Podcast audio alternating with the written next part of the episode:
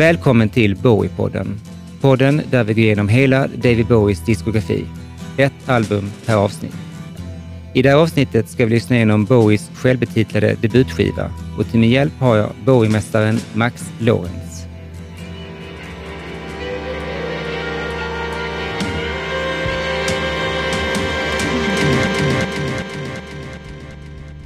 –1966 droppades Bowie av skivbolaget Pi Records efter en rad singlar som alla hade floppat. Bowies blivande manager Kenneth Pitt trodde dock starkt på Bowie och valde att ur egen ficka bekosta en inspelning på tre låtar som han sen shoppade runt bland olika skivbolag. Till slut fick han till ett skivkontrakt med The Ram, en underetikett till Decca Records. Det var ganska ovanligt att en artist som ännu inte hade haft en hit fick chansen att spela in ett helt album. Men Bowie hade förmågan att få folk att tro på honom redan då. Mike Vernon, som jobbade som inhouse-producent, fick uppdraget att producera skivan även om han inte alltid förstod sig på Bowies musik. My interest was more rhythm and blues and jazz. Bowie was on a different planet altogether. It was hard for me, but I did my job to the best of my ability. I was helped enormously by Gus Dudgeon. I got him involved as he was a bit quirky and I thought he would get on well with Bowie. And in fact they did, and worked together at a later date. Gus Dudgeon var alltså ljudtekniker på skivan och blev väldigt viktig under inspelningen. Faktum är att Gus och Bowie kom så bra överens att Gus fick producera Space Oddity på Bowies nästa album. Kompbandet bestod av medlemmar från Bowies gamla band The Buzz samt diverse inhyrda studiemusiker. Framförallt jobbade Bowie tätt ihop med basisten Derek Deck Fernley och tillsammans skrev de arrangemanget till skivan efter att de lärt sig grunderna från en bok om musikteori. Det var även Dereks bror Gerald som tog fotot till skivomslaget. Bowie är här långt ifrån den unika artist han skulle komma att bli och han lånar friskt från framförallt den brittiska skådespelaren och sångaren Anthony Newley, men även från Ray Davis och Syd Barrett. Bowie har själv sagt att det tog lång tid för honom att hitta sin egen röst och på gott och ont finns denna resa dokumenterad på hans första skivor. Bowie menade att ett problem var att han var intresserad av så många olika musikstilar att han hade svårt att välja en enda och förfina just den. Bowie var ofta avvisande mot sina första skivor, men i synnerhet mot debuten som han beskrev så här i en intervju 1990. It seemed to have its roots all over the place and I didn't know if I was Max Miller or Elvis Presley. Soundet på skivan är en salig mix av psykedeliska barnsånger, vaudeville och music hall med tonvikten på klassiska instrument som tuba, oboe och trumpet snarare än gitarr vilket till viss del har sin förklaring i Pitts ambition att lansera Bowie som en entertainer snarare än en rockstjärna. De flesta av texterna innehåller berättelser om olika karaktärer som innehållsmässigt spänner från väldigt lättsamma till väldigt mörka. Skivan släpptes 1 juni 1967, samma dag som Sgt. Pepper's Lonely Hearts Club Band och man kan lugnt säga att Bowies debut inte gjorde riktigt samma avtryck i musikhistorien. Även om skivan fick bra recensioner pikade den på plats 125 i England. 1967 lyssnade man på The Velvet Underground and Nico, Jimi Hendrix Are You Experienced och Axis Boulders Love, Disraeli Gears of Cream, The Doors debutalbum och Strange Days, Pink Floyds The Piper After Gates of Dawn, Jefferson Airplanes Surrealistic Pillow och såklart, som tidigare nämnt, The Beatles Sgt. Pepper's Lonely Hearts Club Band. Men även deras Magical Mystery Tour. På bio såg man Djungelboken, Borta med vinden, Mandomsprovet, Bonnie and Clyde, Man lever bara två gånger och spagettivästernfilmerna För en handfull dollar och För några få dollar mer. Andra världshändelser värda att nämna är att Elvis och Priscilla gifte sig, Che Guevara sköts till döds, Sverige gick över till högertrafik, Mick Jagger och Keith Richards åtalades för narkotikabrott och Monterey Pop Festival ägde rum i Kalifornien.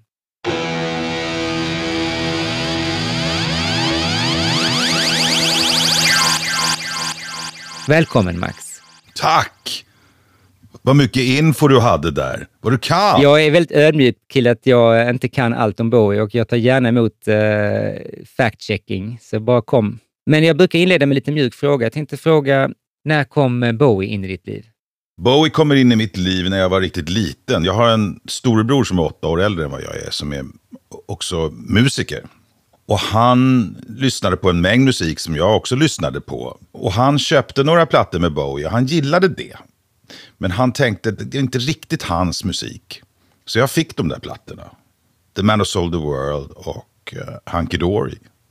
Så att Bowie var liksom min första egna idol. Och hur gammal var du? Så du var åtta? Ja, om jag ens var det alltså. Eh, låt oss säga att det var 71, 70, säg att det var 72 då. Mm. Nej, mm. ja, 8, 8, 9, ja precis.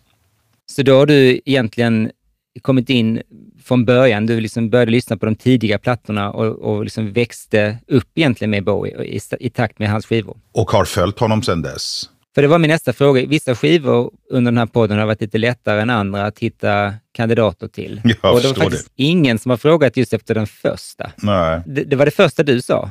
Var det det? Kanske det var. Ja, så då tänkte jag att eh, den kanske ligger extra varmt om hjärtat för dig. Minns du när du kom i kontakt med den här för första gången? Absolut. Alltså själva originalplattan fanns ju inte att få tag på. Den, den fanns inte i Sverige. Jag vet inte någon i Sverige som köpte den när den kom ut.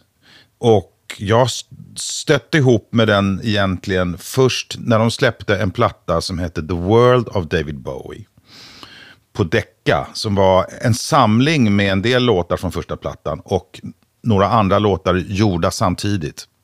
Men sen 1973 så släppte de i Tyskland och Amerika så släppte de en dubbel-LP som hette Images. Men det är en dubbel-LP och den rymmer hela första plattan och alla andra inspelningar som han gjorde för The Ram. Och mm. den växte jag upp med. Och eh, för mig var det liksom ingen skillnad på den där musiken. Alltså nu säger man sig, ja den är lite töntig den där första plattan. När han låter som mm. Anthony Newley. Men för mig var det ingen skillnad på den. Jag, jag, alltså jag lyssnade på den samtidigt som jag lyssnade på Aladdin Sane. Och det var, mm. båda var bra musik. Så, så mm. jag, har inte, jag har inte sett det på det sättet. Åh, gud vad töntig den där skivan är. Det är inte hans starkaste platta. Det är inte hans viktigaste platta. Men jag tror möjligtvis att för honom så var det en viktig platta. Tror du inte det? Det tror jag verkligen. Jag, också, jag fick ju någonstans ställa om mig lite när jag satte igång den och tänka, okej, okay, jag kan inte sätta denna liksom jämte mina favoritskivor som jag kanske har från 70-talet eller senare, utan jag får liksom se detta som, vad var han där och då? Han var, han var ju skrivit de här låtarna, han var, måste ha varit 17-18 år, ju en del av dem. Ja. Han är väldigt, väldigt ung och, och många banden som jag verkligen älskar, alltid från Beatles och även Stones och Pink Floyd, den resan som de har gjort, det finns massor med skivor med Beatles som jag absolut inte riktigt liksom sätter på sådär idag, utan det är ju de senare. Så att många artister har ju den här, liksom, man måste ha sina första steg, sina baby steps. Det man kanske inte nämner är ju att det finns ju, inte alla, men det finns en handfull eh, mästerverk på den här första plattan. Alltså det kommer vi komma till när vi går igenom låt för låt. Det är, det är absolut ingen dålig platta. Det är bara att den är så otroligt långt ifrån den David Bowie som sen skulle komma att bli. Det är nästan så att det är en, mer som en, en skiva av David Jones innan han ens hade hittat sin identitet som Bowie. Uh, jag hade lite den teorin på Reality som är ju en av hans absolut senaste skivor, att där lämnar han på något vis David Bowie och blir David Jones igen. Han har liksom inga personer, han är inte ute efter att skapa någon mytbildning kring plattan, utan är, han skriver om sitt eget liv rakt upp och ner. Uh, här gör han i och för sig inte det, här är det mycket stories och här är, här är ni en storyteller på ett sätt som man kanske inte var senare. Uh, många av låtarna är ju liksom berättelser om uh, andra karaktärer. Och sen är det olika teman som han tar upp i sina texter som vi känner igen från hans senare låtar. Mm. Om man börjar gräva ordentligt så kan man absolut hitta korn och eh, det av vad som komma skall. Och eh, det som slog mig var också hur jäkla bra han sjunger. Alltså hans sång. Eller hur? Och han sjunger på olika sätt. Men, men det har han ju alltid gjort. Alltså han har olika röster. Och det som du tog upp i inledningen här, att, som folk brukar säga också, att den här plattan låter som Anthony Newley. Och det är inte riktigt sant tycker jag. Det finns tre låtar tror jag, så, där han verkligen sjunger som Anthony Newley. Och han gillade ju verkligen Newley. Det, det, har han ju tillstått. Men sen, de andra låtarna är inte riktigt så, tycker jag. Så att, uh. Nej, det håller jag med om. Det har, jag har också noterat det, att det är faktiskt bara en handfull låtar som har den tydliga prägen. Och det har han alltid haft, den här, uh, vad ska man säga, alltså fingret på pulsen och han, han, visste liksom vad som var i the zeitgeist. Och han letar ju lite här, tycker jag. Det känns som att han söker psykedelian och eh, eh jag ska säga, barnramsorna, barnmusiken och även det här flörtandet med den här gamla musikstilen med trumpet och trombon och liksom en typ av instrumentering som var rätt ohipp då egentligen. Men alltså, och, alltså, alltså vaudeville var, var ju populärt i England på den tiden. Om man lyssnar på den här plattan som kom ut samma dag som, som Bowies första platta, nämligen Sgt. Yeah. Pepper, så hör du ju mängder med vaudeville på den också. For the benefit Exakt. of Mr. Kite. Mm. Det, det, är lite samma grej. Sådär. Ja. Och även den här lite, som jag kallar för twee, alltså lite, lite gulliga eh, som, eh, anslaget som man kan höra på Cat Stevens första album också. Eh, lite eh, oh, British whimsy. Han, han, han touchar på allt det, men samtidigt så var han ju extremt influerad av uh, Velvet Undergrounds första platta. Men jag vet ju att vid den här tiden så kom ju den skivan in i hans liv.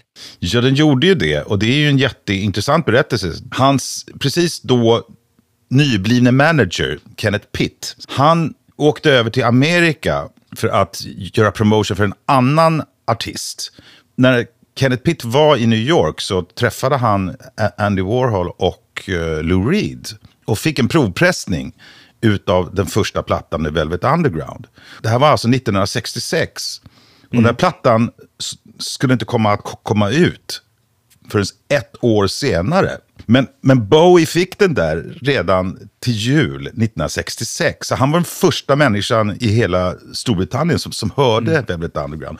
Och, och, man kan höra på några låtar, eh, åtminstone en låt på, på den här plattan, där man kan höra lite av det här Velvet Underground-svänget faktiskt. Så att, eh, det är jättespännande. Mm. Jag har också förstått att han eh, var extremt tidig, om inte tidigast på bollen när det gäller Velvet Underground och att det var Kenneth Pitts eh, förtjänst. Mm. Och även om inte han kanske påverkade soundet på plattan särskilt mycket, för det var ju verkligen Bowie som hade sin egen vision tillsammans med Deck då, som var basist på plattan. Alltså Ken Pitt var ju väldigt driftig och det är ju det man vill ha i en manager. Alltså att eh, han då på egen liksom, börs tog fram då 71 pund, jag läste att det kostade att spela in den här inspelningen som sen banade vägen fram till skivkontraktet. Det är precis en sån kille man vill ha i sin ringhörna. Men de började eh, att, att, att, att, spela in den här plattan eh, i november 66. Runt min fjärde födelsedag faktiskt. Jag vet inte om det hade någonting med saken att göra. Och de här tre låtarna som du nämnde som Kenneth Pitt betalade för, spelade de in bara ett par veckor innan. Så att och, och, Kenneth Pitt var helt ny för Bowie. Men lyckades, precis som du berättade, eh, få ett kontrakt med Decca och deras underetikett Deram. Men det där gick undan. Så Kenneth Pitt var helt ny. Liksom. Han hade inte hunnit påverka Bowie så mycket tror jag. Men det stämmer som du säger att han såg, i Bowie såg han en, en bra sån här vaudeville musikalunderhållare. Ja, jag tror att det, han hade nog en liten annan idé om vad Bowie skulle bli än vad, han, vad Bowie själv hade tänkt sig. Uh, det var väl, jag vet inte ens, ja, Bowie visste nog inte riktigt heller faktiskt vart han var på väg. Men Kenneth Pitt, han var ju helt för det här, alltså senare var han helt för det här mm. lite, lite hippie-grejen som, som ju var Bowies nästa fas. Det gillade ju Kenneth Pitt också. Så yeah. Jag tror att han är lite oförskyllt så får han liksom bära hundhuvudet för att, att Bowie gjorde sån här vaudeville-musik. Men jag, jag, tror inte att det är hela sanningen. Um, att inte skivan breakade så mycket heller, det kan man ju liksom spekulera kring. Det är alltid en många faktorer som ska spela in, men den nådde ju inte riktigt fram till publiken och vad jag förstår så marknadsförde inte skivbolaget skivan särskilt mycket. Nej. Och de hade också otur för att killen som signade honom, en kille som heter Hugh Mendel, han lämnade bolaget kort därefter. Och det är en vanlig klassiker att när den personen som har knutit ett band till bolaget lämnar så blir de lite hängande i no man's land. Och jag tror att det var där han fanns det där taget. Det var ingen som riktigt tog tag i det. För att hans egen relation till den här skivan eh, har alltid varit lite frostig. Han har varit lite sådär avvaktande och kanske inte speciellt eh, snäll mot den. Det finns ju andra skivor också som han har varit ganska hård mot. Det är vårat fel, tror jag. Och pressen, alltså precis som det var efter uh, Never Let Me Down där, att uh, mm. alla skrev, fy fan vilken jävla dålig platta, värdelöst. Så var han ju mm. tvungen att säga det själv sen också. Ja, nej, den, den var inget bra. Ja, det kan ju vara så. För jag tänkte att det kunde vara så att uppföljaren heter ju också David Bowie, eller hur man nu, den, lite olika namn på den. Det är precis som att han vill liksom radera denna helt och hållet och börja om på en ny kula, som om den första skivan inte fanns. Den här plattan kom ju ut tidigt 67 men, mm. men sen 1968 och till och med 1969 när, han gjorde olika uppträdanden, bland annat på BBC eh, och i den här filmen som heter Love You To Tuesday, så, så, så sjöng han ju de här gamla låtarna. Så det, Mm. jag, det stämmer inte riktigt att han tog bort dem på e- en gång. Nej, det är sant. Det kommer inte från senare, den här, eh, vad ska man säga, eh, revisionismen. Ja. Och jag tror också kan ha att göra med att han var lite sur på skivbolaget som då, du nämnde den här eh, samlingsskivan Images som kom, att de gjorde mycket det utan hans tillåtelse. Och eh, han var inte inblandad i någonting egentligen, det var bara eh, saker som, ja, som, som, som man fick finna sig i. Och för många, och jag tror det var kanske inte så för dig, men för många tror jag att Images räknade folk som hans debutskiva. Alltså de hade helt missat den första, så att de tänkte på det som den första. Jag visste ju att det fanns en första, men i och med att den, Mm. Den gick inte att få tag på överhuvudtaget.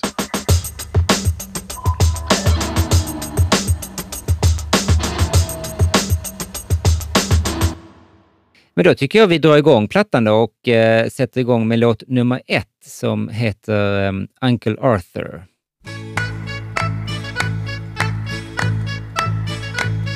Strikes the bell for five o'clock. Uncle Arthur closes shop, screws the tops on all the bottles, turns the lights out, locks it up, climbs across his bike and he's away. Cycles past the gasworks, past the river, down the high street, back to mother. It's another empty day. Uncle Arthur likes his mummy. Uncle Arthur still reads comics. Uncle Arthur follows Batman. Alltså jag var ju helt beredd på en annan artist här när jag satte igång den här. Jag hade inte hört den här skivan alls då, så att jag kom in i den här bara för några månader sedan. Jaha. Så jag var absolut inte beredd på detta. Jag förstod att det skulle vara eh, lite old school sound på den. Okej. Eh, Så att det här tog ju lite tag för mig att liksom vänja mig vid. Och det antar jag då med tanke på vad du berättade tidigare, att det hade ju inte du, utan du, liksom, du levde med den här helt parallellt med även 70-talsplattorna som, som musik bara. Mm, exakt. Men även med det i be- i beaktande så är det ett ganska udda val av första låt på sin första skiva, för den måste han ändå ha tänkt till lite på. Ja. Jag vet inte vad de tänkte. Nej, nej det är ingen som vet. Ehm, den hade ju nästan kunnat funka som en, liksom en udda, quirky låt på Hunky Dory, för där finns ju låtar som är lite i den här bagen, tycker jag. Mm, mm. Alltså Cooks till exempel är inte miltals härifrån. Jag tror, alltså jag vet inte om det har någonting med saken att göra, men jag tror att, att det här var den första låten de spelade in till plattan. Så det kanske, kanske var därför att de... Kan vara så enkelt, ja. Round and round goes Arthur's head, hasn't eaten well for days. Little Sally may be lovely, but cooking leaves her in a maze. Uncle Arthur packed his bags and fled. Back to mother, all's forgiven, serving in the family shop. He gets his pocket money, he's well fed. Jag tycker också att man hör tydligt Bowies röst här. Hans sång är såklart tydligt framträdande i mixen, men man hör att det är Bowie som sjunger här vis. Trots att låten är lite krallig och lite barnslig kanske i sitt sound, så är det fortfarande liksom... Han är 100% allvarlig i sitt framförande. Och det tror jag är jäkligt viktigt. Att det inte känns som att han står och liksom är töntig. Jag vet inte, det finns någon slags allvar ändå i det. Mm. Vissa sångare menar jag har ju liksom en helt annan röst som unga. Jag tycker här hör man att det skulle lika gärna kunna vara tio år senare. Men alltså, som du sa i början, att han sjunger ju jäkligt bra på den där. Sjunger jättebra tycker jag. Mother cried and raved and yelled and fussed. Arthur left her no illusion, brought the girl round safe confusion. Sally was the real thing, not just lust. Uncle Arthur vanished quickly. Uncle Arthur and his new bride. Uncle Arthur follows Sally. Sen är det varje låt, nästan de flesta i alla fall, är ju liksom stories. Och jag, jag brukar inte egentligen gräva ner mig så mycket i Bowies texter, för att de är oftast väldigt abstrakta och ja, du vet, cut-up-tekniken och liknande, så det är så personligt vad man tar ut av dem. Men här kan man ju verkligen läsa dem med behållning. Och jag tyckte det var extra kul att läsa om den här då, eh, texten som, som jag tolkade och handlar om en, ja, helt enkelt infantil, liksom vuxen som baby manchild som läser serietidningar och bor hemma hos sin mamma fast han då är typ 32 bast. Eh, och så tar han hem en flicka då som heter Sally, eller Sally, som hans mamma inte tycker om. Och eh, Arthur och Sally gifter sig, flyttar ihop, men eh, Arthur saknar sitt barndomshem och flyttar tillbaka och jobbar vidare i familjens butik. Så blir det liksom en cirkelslutning. Han har det bättre Eh. hemma hos mamma. Sally var inget bra. Mamma lagar bättre mat. Det är alltid, bäst. Men, alltså jag minns min, min salig far. Han var en, en stor bokläsare och han satte alltid böcker i, i, hand, i händerna på mig. Och en av böckerna som jag tyckte väldigt mycket om som ung var av en engelsk författare som heter Alan Sillitoe. Han skrev en bok som heter The Loneliness of the Long Distance Runner. Uncle Arthur är snott rätt av från en Alan Sillitoe-text. rätt av. Ja, han är ju inte så himla buskablyg och, och, och stjäla här faktiskt. För det som du säger, han tar ju storyn rakt av. För den handlar också om en man som kommer hem efter det, sex månaders äktenskap och eh, Högst, precis. sin Ja. mammas trygga famn. Och det, jag tror att det finns någon annan låt på den här plattan som också är helt... Berättelsen är snodd från Alan Sillitoes bok. Det stämmer. Det kommer senare. Alan Sillitoe var tydligen en stor eh, influens och Bowie var ju en stor läsare genom hela sitt liv. Så att eh, det finns ju inget snack om att han har läst den här. Mm. Det roliga är att eh, Deck Fernley då eh, misstänkte att han kanske var inspirationen bakom karaktären i låten. För att 1966 läste jag att Bowie var ofta hemma hos honom och umgicks med eh, hans familj. Och det var först efter ett bra tag som Deck berättade att han var sju år äldre än han hade sagt, vilket då förbluffade Bowie som var fortfarande tonåring. Så hans vän var liksom egentligen en farbror kan man säga, som bodde hemma hos sin mamma och pappa. Eh, så han tänkte kanske att hela låten var någon slags pik mot honom. Men jag tror nog att inspirationen sannolikt, som du var inne på, kommer från Alan Sillitoes novellsamling. Jag var och tittade på den här Bowie. Bowie-utställningen som går i, i Stockholm just nu. Och där har de också ställt upp de hundra böcker som, som Bowie listade som de, de Ah. bästa hundra böckerna nå- någonsin. Men Alan Sillitoes bok är inte med där. Så. Nej, den är inte det. Okej. Okay. För jag känner till den här listan. Jag har inte, jag har inte kollat in den. Round and round goes Arthur's head, hasn't eaten well for days. Little Sally may be lovely, but cooking leaves her in a maze. Jag, jag måste bara, innan vi går vidare, på, så det här är viktigt för mig. Mother, Den här plattan kom ju ut då, både i stereo och i mono. Och Japp. för mig så är den här stereoversionen ganska jobbig att lyssna på. För att precis som många plattor på den tiden, alltså Beatles också, så, så ligger trummor och bas bara i vänster kanal. Och så ligger gi- gitarr och trumpet eller vad det är i hög kanal. Och så, och så ligger då sången i mitten. Men det blir jobbigt att lyssna på. Så jag gillar monoversionen. Den är inte lika lätt att få tag på. Den ligger inte på Spotify, tror jag. Nej, jag har faktiskt lyssnat på båda två. Eh, och jag håller väl helt och hållet med att de här låtarna gör sig inte så bra i stereo. Men hur hör man då om, det om Uncle Arthur är mono eller stereo när man inte har lurat på sig? Jo, de här handklappen som är i början och i slutet, de är inte med på monoversionen. Det är såna grejer som är väldigt, väldigt bra att veta, eller hur? Inga handklapp. Ja, just det. Där kommer de. Det är mäktigt att mixa i mono. Det är ju liksom en grej som man borde göra oftare. Funkar det i mono så funkar det alltid.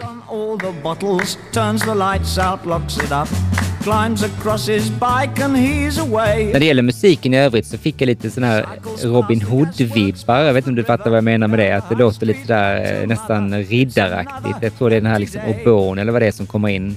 Eller jag läste någonstans att det kunde vara något, en skalmeja, det har jag aldrig hört talas om tidigare, som spelar eh, den här introduktionsslingan. Ja. Hur som helst, hela liksom soundet här. För, för, jag får en sån känsla av att liksom man, man ser Robin Hood och riddare och hästar och liksom någon slags eh, lansar framför mig på något vis. Cycles past the gasworks, past the river, down the high street, back to mother. It's another empty day. Det finns ju också de som har läst in vissa homosexuella anspelningar i det här, att det skulle vara någon stereotyp då, mammas pojke eh, och så att det kanske skulle nästan finnas någon likhet med Arnold Lane då, karaktären i Pink Floyd-låten med samma namn. Är, third är det någonting du har hört någonting om eller tänkt på? Nej. den här? Jag har inte hört dem. Jag har svårt att tro. Nej. Alltså som alltid, Bowies, eh, de, det finns alltid gott om information på nätet om man vill hitta liksom, trådar som har att göra med hans sexualitet och hans androgyna sida. Liksom. Det som jag tycker är kul med den här plattan också, och, och som jag tyckte var kul när jag, när jag hörde den, och de andra plattorna, de, de tidiga, var ju att, att Bowie sjunger ju på riktig London-engelska. Och det var ingen annan som gjorde det, förutom just mm. Anthony Newley. Och det var därför man kopplar ihop det, eh, okay. de två. Men det, det, det, var liksom ingen som hade gjort det. Alla sjöng på någon slags eh, mitten av Atlantic Ocean, eh, amerikansk engelska. I, ingen sjöng på det där riktigt cockney. Men det gillade jag när jag var liten. Jag, jag, jag tyckte att det var så, så häftigt. Mm. Så, så att sen dess så, så pratar jag alltid cockney. Nej, hans, hans eh, Mockney, eller Cockney som han sjunger på eh, en hel del, eh, den tar han ju, bredar han ju på med ganska mycket sen genom åren. Mm. Men jag har faktiskt aldrig reflekterat över det, att hans samtida artister här menar du, gjorde inte det? Nej. Nej, okej. Okay. Mother cried and raved and yelled and fussed Arthur left her no illusion, brought the girl round, saved confusion. Sally was the real thing, not just lust.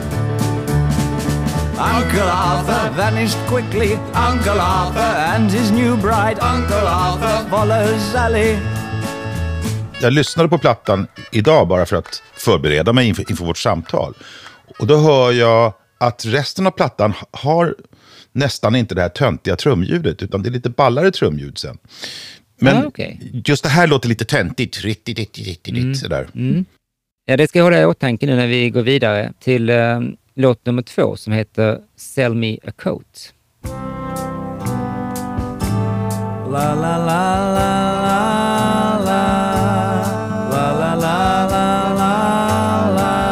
Jag fick lite Pet Sounds-vibbar av introt eh, med blåset och kören. Det är liksom så eh, himla pampigt.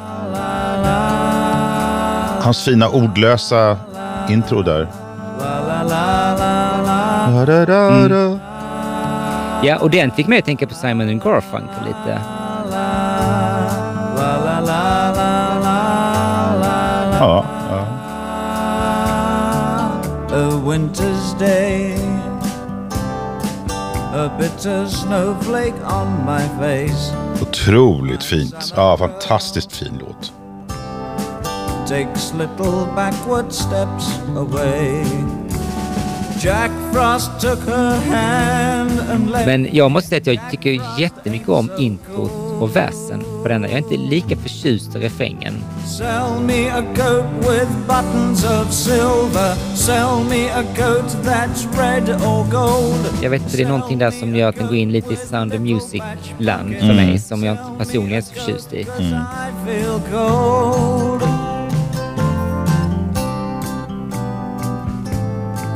And when she smiles The ice forgets to melt away Men eh, jag tycker väldigt mycket mer om den här än Uncle Arthur. Eh, om man nu ska jämföra så. Men det här liksom för mig blev, okej, okay, den här skivan var lite omtumlande när jag satte igång den. Mm. Och sen när denna kom så kände jag, okej, okay, här, här, kommer här kommer det hända grejer från låt till låt. Mm.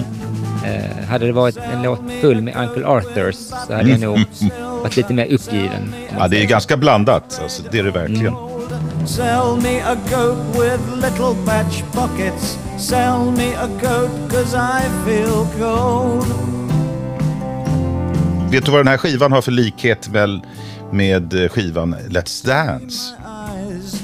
Ska vi tänka till? Likhet med Let's Dance. Den har åtta låtar, det har inte denna. Nej. Den har, och den har Jag kan ju... säga så slipper du. ja, det kommer inte på på rak arm. Shoot. Alltså Bowie spelar inte på skivan. Han sjunger ah, bara. Det... Gör han inte på Let's Dance heller. Han spelar ingenting. Utan den här fina gitarren vi hör här, det är ju någon annan gitarrist som lirar. Mm, Okej. Okay. Sell me a coat cause I feel cold Sell me a coat with buttons of silver Sell me a coat that's red or gold Det jag hörde däremot var att den här låten erbjöds till eh, Judy Collins mm. och även Joan Baez och Peter Paul and Mary, men alla tackade nej. I princip nästan uh, varenda låt på den här plattan erbjöds till Peter Paul and Mary. De tackade nej Ja, jag hörde det också. och jag tycker det är lite märkligt med denna, för att jag tycker att den här har hitpotential. Jag förstår inte varför ingen nappade på denna, men det, ja, jag vet ja, nej, men det kanske är den refrängen som du säger kanske inte är lika stark som versen. Men jag vet inte. Nej.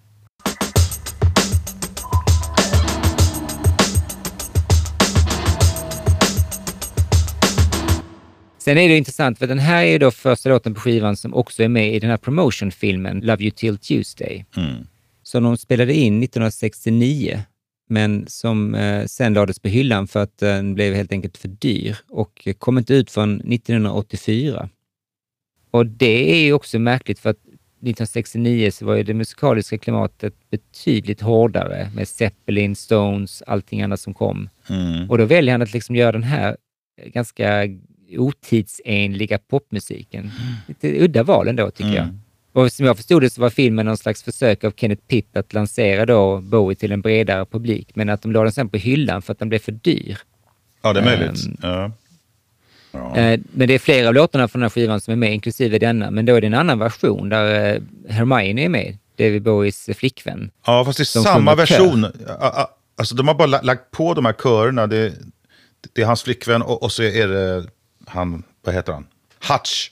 Det är ingen ny inspelning.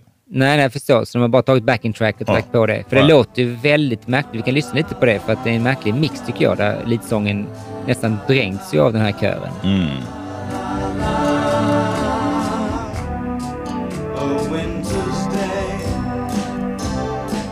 A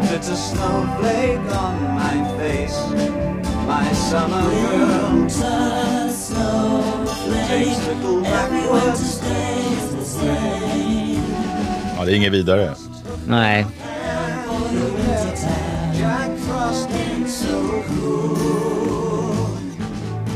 men hela den här idén med en promotion-video var ju ganska innovativt ändå. Det är liksom en slags... eh, Det var inte så många som höll på med det. Nej. Redan där var han liksom lite cutting edge, eller vad man ska Det kalla var väl inte ens video, utan det var ju film. Och, det var, Mm. var, var precis som du säger dyrt. Väldigt dyrt. Ja. Men eh, alltså som vi pratade om initiellt, när, när vi träffades här nu, i, i början på den här podden, att efteråt så vill han bli av med den här plattan. Men, men alltså jag menar på att han tog med sig de här låtarna långt in i 1969, så att de måste ha betytt en del för honom ändå, tänker jag. Mm, mm, absolut, det tror jag. Her smile was warm in yesterday. See the trees like silver candy. Feel my icy hand. Och det du var inne på tidigare, att trummorna på Uncle Arthur kanske inte var eh, så kul sound på dem. Så Nej. tycker jag trummorna här är fantastiska. Framförallt att de spelar ett väldigt eh, kul trumkomp och liksom bra, bra lir överlag. Eh, Här hör man liksom att, att Mike Vernon då, producenten som, som ju är mera känd för att ha producerat liksom tidigare Fleetwood Mac och sånt där. Just det. Hur han har ett mera eh, rumsljud på trummorna som jag tycker är rätt så ball faktiskt. Mm. Ja, det låter super. Jag vill också reagera på det.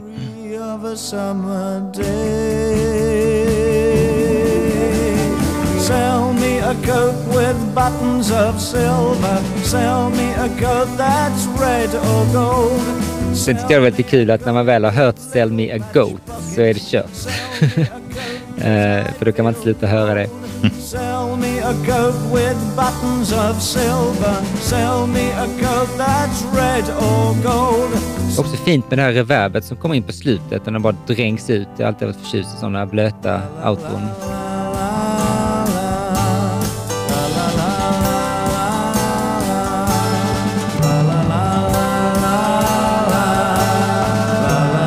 Ja, just det. Just det. Sån härligt plåtreverb eller något. Och sen typisk sån här eh, abrupt fade-out. Snabb fade, ja. ja. Tack och hej, nu var vi klara. Men jag, jag tycker väldigt mycket om den här. Eh, En av mina favoriter på skivan faktiskt. Mm, mm. Den här refrängen, jag tänkte på vad, vad du sa, att du var inte lika förtjust i den. Att den, den är lite barnslig. Ja. Men han gillade ju att göra, han gjorde ju många sådana här barnvisor. Den är inte med här, eh, men är inspelad under samma tid, den här låten som heter When I'm Five. Som är, är ju ett litet barn som, som sjunger egentligen. Jag tror till och med att det var något, eh, alltså det var under någon av de tidiga plattorna, så jag tror det var någon av plattorna de gjorde med Ken Scott, som de på allvar övervägde att göra en platta full med, alltså med barnvisor. Mm. Eh, En barn, barnplatta. eh, Exakt. som sen inte hanns med eller övergavs. Ja, övergåvs han, han, är, han, har alltid, han har alltid haft mycket idéer som Ja. är lite svårt att fullfölja. Och det kommer ju flera på den här plattan, men vi kommer till dem sen. Så ja, verkligen. barnvisor så att säga. Men då tycker jag vi kör vidare med låt nummer tre som heter Rubber Band, som då också var första singeln. Och du, lyssna på trumsoundet här. Det är skitbra trumsound. Det ska jag göra.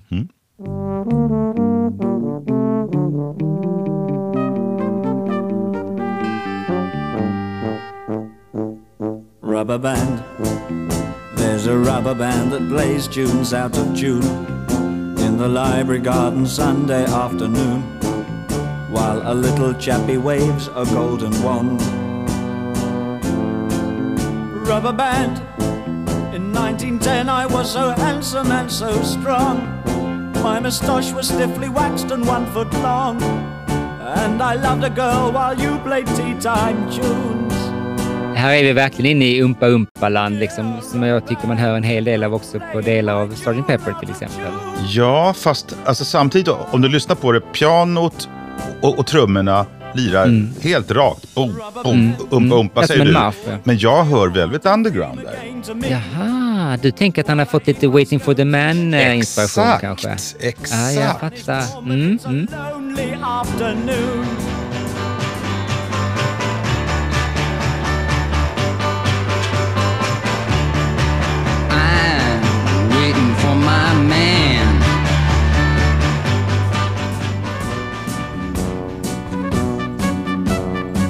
Ja, när man ser det med de glasögonen på så är det lite coolt faktiskt. För det görs ändå med en viss attityd, även om, om, om det är en barnslig låt. Så Ja.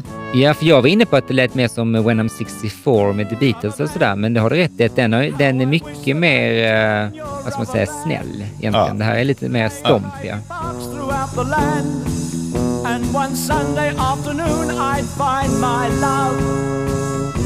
Och det här var en av de tre låtarna som man spelade in på den där första sessionen som eh, Kenneth betalade för. Ja, just sen det. ledde då till skivkontraktet. Just det. Tillsammans med The London Boys och en tidig version av eh, Please Mr Gravedigger.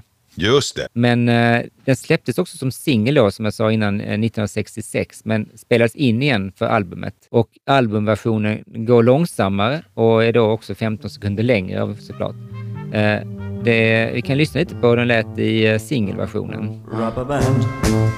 There's a rubber band that plays tunes out of June in the library garden Sunday afternoon while a little chappie waves a golden wand. Lite annan energi i sången. In 1912 I was so handsome and so strong. Inte samma attityd på den här. Nej, verkligen. Jag tycker albumversionen är bättre, men eh, de är väldigt lika ju. Precis. Dear rubber band, you're playing my tune out of tune.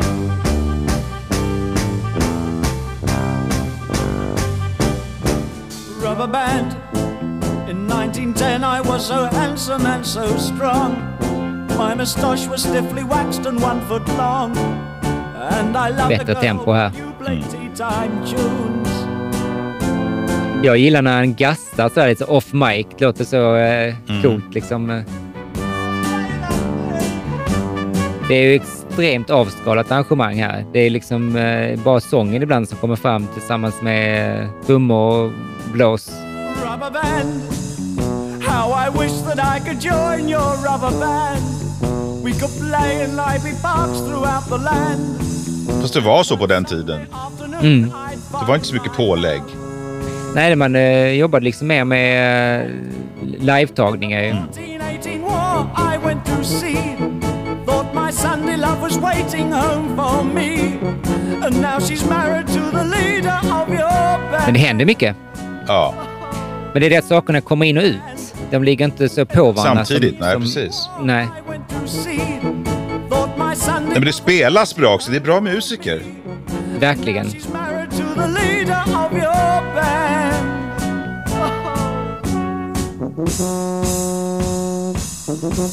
Ja, det är underbart slut där ju. Och det är lite komiskt sådär. Men I hope you break your baton. I hope you break your baton.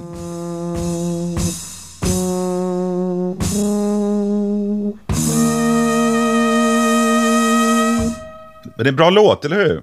Ja, absolut. Nu när du gett mig den här ingången att det skulle kunna vara en Velvet touch på det så, eh, så gillar jag den mer faktiskt. Jag var inte så förtjust i den innan. För mig var den, jag är inte heller så förtjust i When I'm 64-eran, den här, den här lite nostalgiska blåsorkestermusiken som var lite sådär poppis för den här tiden. Att man liksom, precis som att den tidens unga musiker lyssnade på sina morföräldrars musik nästan och försökte liksom blåsa liv i, i den. De hade växt Eh. upp med den tror jag. Jag menar Paul McCartneys eh, Just det. pappa satt ju hemma så på fyllan och, och, och lirade piano. Ja, det är klart, så enkelt är det ju, att det var det de hade vuxit upp med. Så det var det de, det var det de hade nostalgi till. Precis som våra kids idag liksom lyssnar på 70-talsgrejer kanske, eller längre. Ja. Mm. Mm, mm. Nej, jag gillar den där som tusan. Jag tycker den är jättebra. Mm. Rubber Band. Det är inte mästerverken, men, men en av de bättre. Nej, den har vi framför oss. Det håller jag med om. Ja. Men då tänker jag att vi drar väl vidare helt enkelt och lyssnar på eh, låt nummer fyra som heter Love You Till Tuesday som var eh, tredje singeln.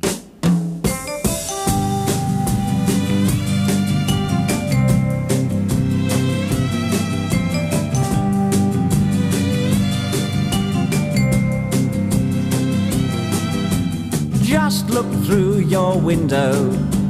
Look who sits outside. Little me is waiting, standing through the night. Ett mästerverk. When you walk out through your door, I'll wave my flag and shout. Ah, beautiful baby, my burning desire started on Sunday. Give me your heart and I'll love you till Tuesday. Alltså här kommer vi in på eh, då en låt som jag tycker låter väldigt mycket som Anthony Newley. Han har själv sagt att han låter mer som Tony Newley än Newley själv.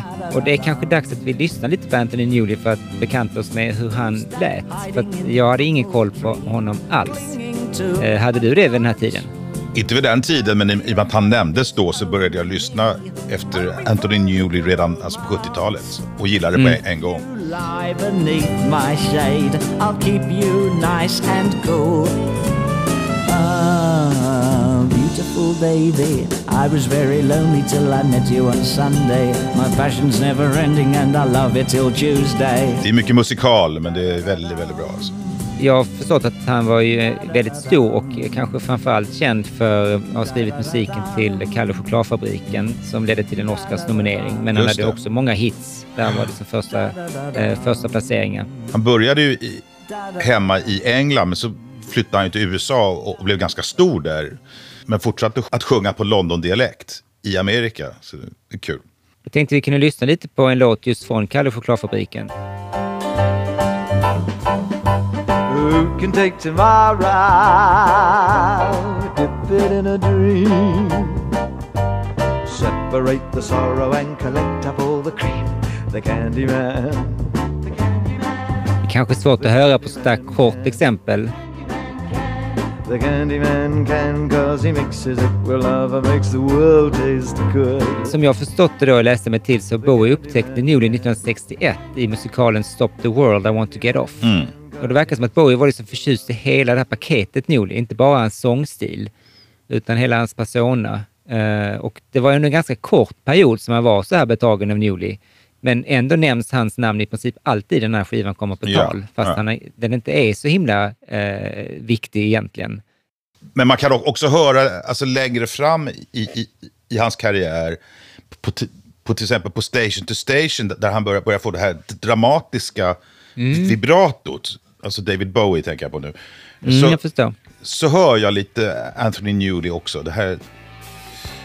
The return of the thin white Ja, Jew. ja.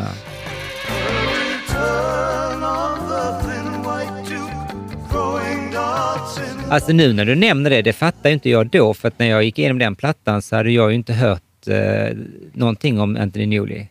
Då, så då gjorde inte jag den kopplingen.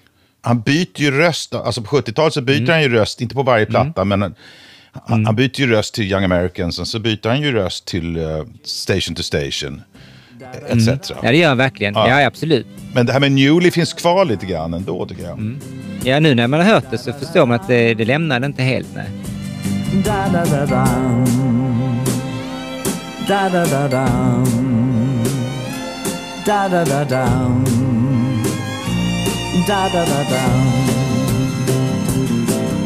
för här, det här med att han då lägger sig till med liksom en, en, nästan en ny röst jämfört med de andra låtarna. Det blir extremt tydligt här på 1.45. Afraid of the man in the moon because it's only me. Me. Jag älskade den när jag var liten. until my love runs dry. Ah, beautiful baby, my heart's aflame. I'll love you till Tuesday. My head's in a whirl, and I'll love you till Tuesday.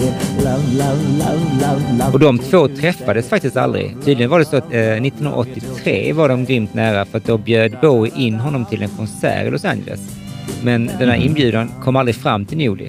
Så att, eh, det blev tyvärr aldrig. Sen gick han ju bort. Vad synd! Tänk en Ja, platta verkligen. med David Bowie Mm. och Anthony Newley. Den hade jag köpt direkt. Ja,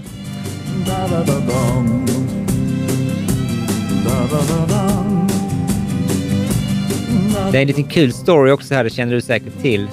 Eh, om att Syd Barrett fick ju uttala sig om den här låten. 1967 så intervjuades han nämligen av Melody Maker i, i maj 1967. Samma dag som Pink Floyd spelade in Bike, fick jag läsa. Och eh, då fick han eh, uppdraget att recensera tio låtar, inklusive den här. Och då sa han som kommentar till den här, yeah it's a joke number. Jokes are good. Everybody likes jokes. The Pink Floyd likes jokes. If you play it a second time, it might be even more of a joke. Jokes are good. The Pink Floyd like jokes. I think that was a very funny joke. I think people will like the bit about it being Monday when in fact it was Tuesday. Very chirpy. But I don't think my toes were tapping at all. Så att eh, han ramlade ju loss lite här, men, men han var inte speciellt förtjust. Det var en liten, liten sågning kan man väl kalla Ja, det. ja. Han var väl påtänd förstås. Ja, säkert. Fick han höra den en gång i någon kass transistorradio, så skulle han då säga något vitsigt. Tio låtar rätt mycket också att komma på saker att säga om på kort tid. I shall always watch you until my love runs dry. Ah, beautiful baby, my heart's aflame. I'll love you till Tuesday. My head's in a whirl, and I'll love you till Tuesday. Ja, alltså jag har ju lyssnat en del på den här och jag, jag tror att du är mer förtjust än vad jag är. För mig är detta lite för mycket... Nej, ehm, ett mästerverk alltså. Han sjunger fantastiskt bra. Det här, bo- det här borde ha varit hitten. Nu blev det inte det. Och varför vet jag inte.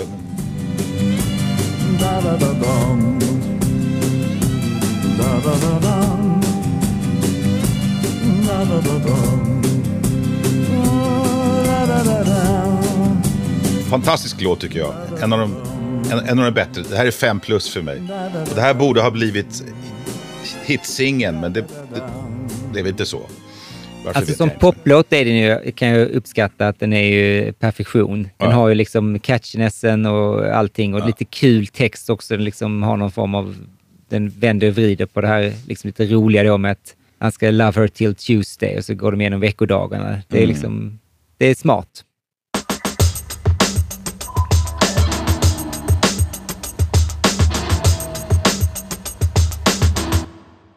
Två dagar efter att skivan hade släppts så spelade man in den här igen för att ge ut den som singel. Mm.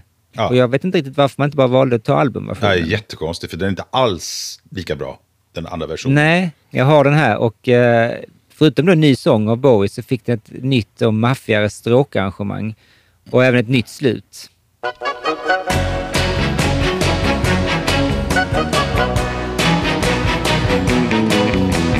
Just look through your window. Det är lite charmigt dock när han eh, skrattar till här mitt i en rad. Ja, han skrattar till det, ja. Men det är typiskt An- Anthony Newley. Är det? Beautiful baby, I was very lonely till I met you on Sunday. My passion's never ending and I'll love you till Tuesday. Det är också kul att den har en riktigt klassisk tonartshöjning Ja. som är så ocoolt idag.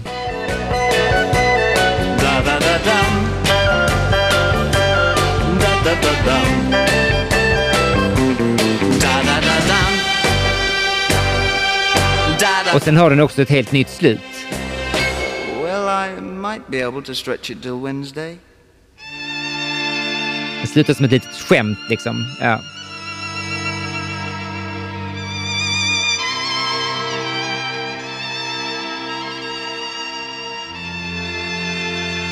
Men det roliga var att han var ju fast besluten att den här skulle bli en hit och eh, spelade då in den igen, men även som eh, man gjorde på den tiden så spelade han in den i en tysk version. Det är alltid lite kul det här med att eh, den tidens liksom trend, att man gjorde olika versioner på olika språk. Har du hört den tyska eller? Absolut. Schau aus deinem Fenster.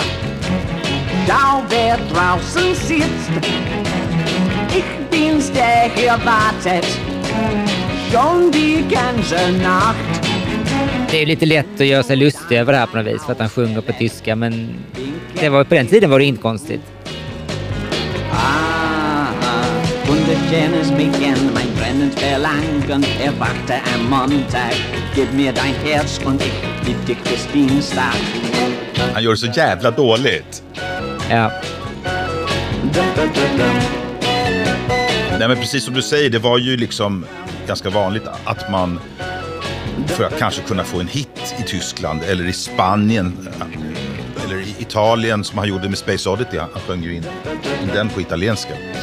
Att man prövade göra det för att liksom kunna få en hit i andra länder. För det gick inget Ja. vidare med någon av de här låtarna tror jag. nej, nej det blev inget. Da da da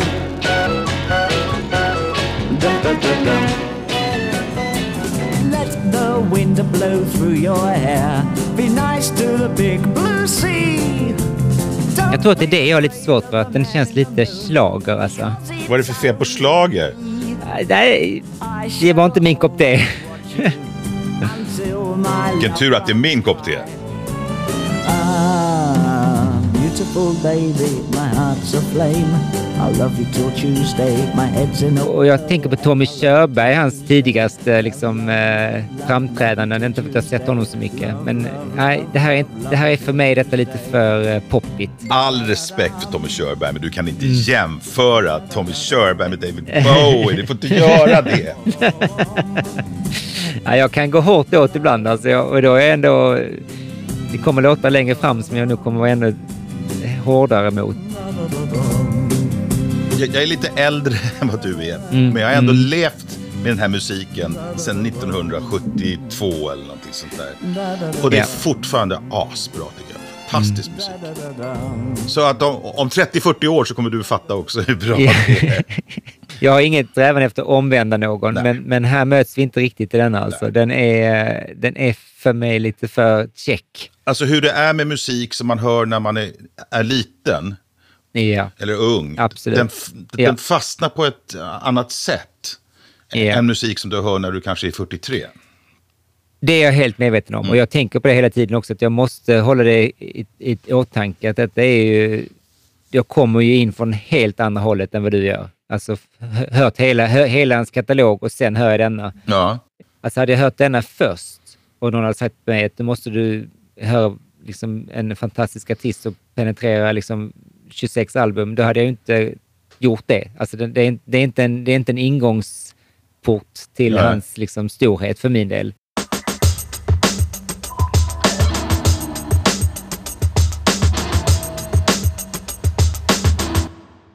Men då tänker jag att vi hoppar väl vidare till låt nummer fem, There is a happy land. ja, fast vi måste bara säga Love It Tuesday, en av de bästa låtarna på plattan. Jag lovar, det har gått fram. jag kommer inte klippa bort det. Nej, det är bra.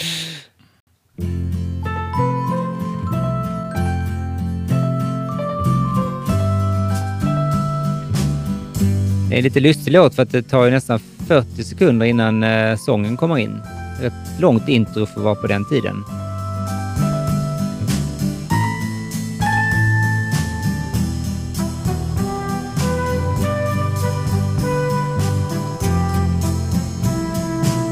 Innan han började sjunga den här introdelen fick mig att tänka lite på eh, tidiga Bob Hund.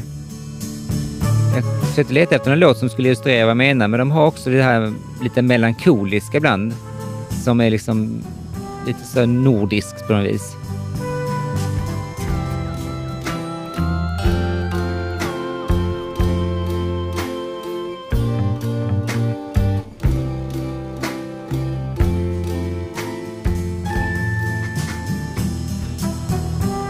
Det är ju inte likt på något vis. Jag bara menar själva eh, stämningen som jag kände när jag hörde på, på introt. Nu är du där igen. Först var det Tommy Körberg som du jämförde Mm. Bowie med. Nu jämför du Bowie med Bob Hund. Jag är ett stort Bob Hund-fan, så Ja, det, för Ja. mig är det okej. There is a happy land where only children live. They don't have the time to learn the ways of you, sir, Mr. Grown Up. There's a special place in the rhubarb fields underneath the leaves. Jag tycker, förstår du, att den här låten är ett av, de, ett av hans första stora mästerverk. Och det är först här, det här var inte den första låten som, som var så här Bowie-knepig. Det var den första låten som var det, det var den här som heter London Boys. Där det, det är massa, han, han byter liksom, jag vet inte hur jag ska säga det för en lekman, men, men han byter nästan tonarter mitt i låten. Precis som man gör på Life on, on Mars. Där är, Life on Mars går ju i tre olika tonarter. Men jag tycker det är en fantastisk låt. där. Det är ett otroligt fint sentiment. Jag älskar den här låten. There's lots more things to do. It's only five o'clock, and we're not tired yet. But we will be very shortly.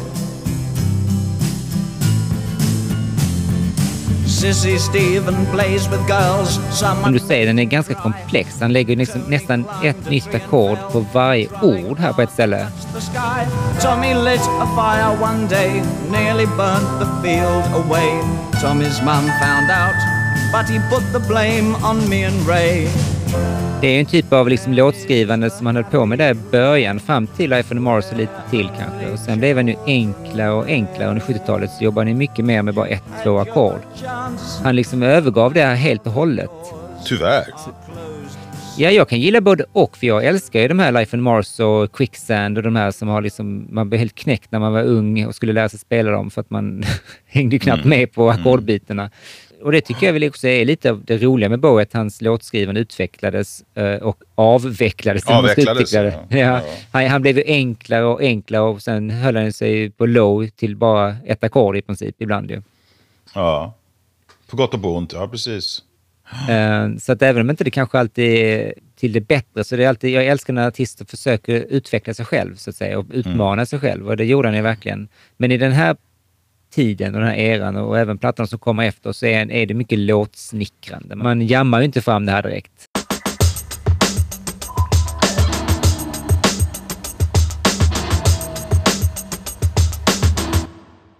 Det jag tänkte på med texten här är att den känns som att den är skriven liksom ur ett barns perspektiv. Är det någonting som du har tänkt på också? Det kanske är uppenbart. Absolut. Precis som den här When I'm Five. Och, och.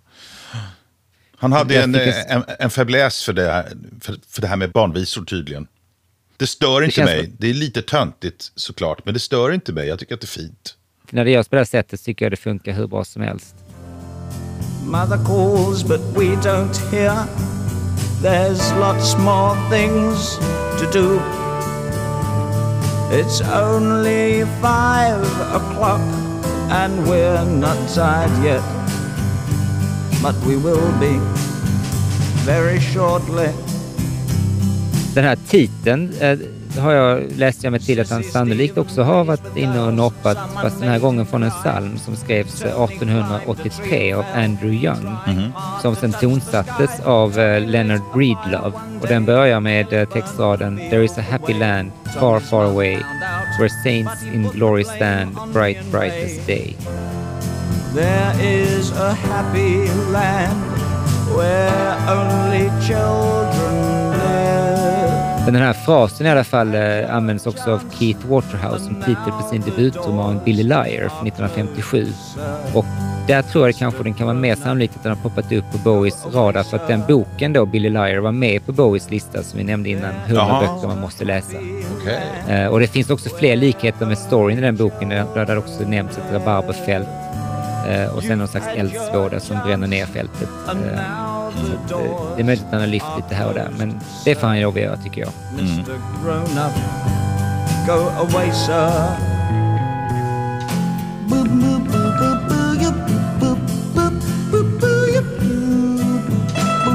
Det är en väldigt märklig del det där alltså. Ja, fast det där är...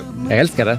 Jag minns när jag var liten så kunde jag börja gråta när jag hörde det där. Jag tycker fortfarande får jag rysningar och håret ställer sig rakt upp på mina ärmar. För att det är så otroligt vackert det där, det där lilla han gör där.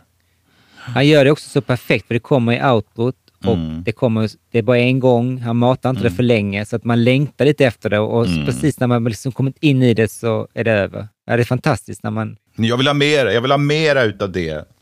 Tyckte jag alltid, men det fick jag inte. Nej, du ska få en gång till bara för det, för jag vill höra på det själv.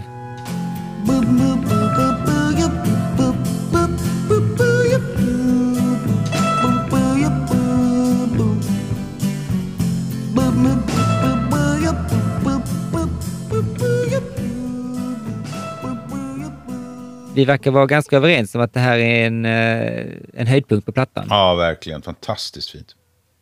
Älskar den där. Jag tänker då, ska vi raskt gå vidare till låt nummer sex som heter eh, We Are Hungry Men. Here is the news. According to the latest World Population Survey, figures have reached danger point, my God. London 15 million 75,000, New York 80 million, Paris 50 million and 30, China 1,000 million, release and small Jag trodde först att det var Bowie som var den här nyhetsuppläsaren i början. I alla fall, eh, alltså den här... Jag tror att det är Gus Dudgeon faktiskt. Precis, jag läste mig till det sen. Eh, För att jag vet att Bowie var glad för att göra röster och sådär, men sen förstod jag att det var inte han. Och som jag läste mig till så försöker han härma komikern Kenneth Williams, som var tydligen stor på den tiden. Jag hade ingen aning om det. Så tänkte jag få gräva fram hur lät den här Kenneth Williams. Så han lät så här. No, it was Marty and Barry. And uh, they were very popular. They began as a sort of send up of the folk thing, you know, because so many of those folk songs are phony, full of things like with a Phil Dilly ran and, uh, uh, no, well, there's, this Phil Dilly dangles. They're all put in really because they can't think of something to make the scansion work. Och när man väl har hört det så kan man faktiskt tänka sig att det var nog det som var liksom förlagan till det här. London 15 million 75,000, New York 80 million, Paris 50 million and 30, China 1,000 million, release and small lots! My studies include exophagy. I formed my own society to crush the power of fecundity.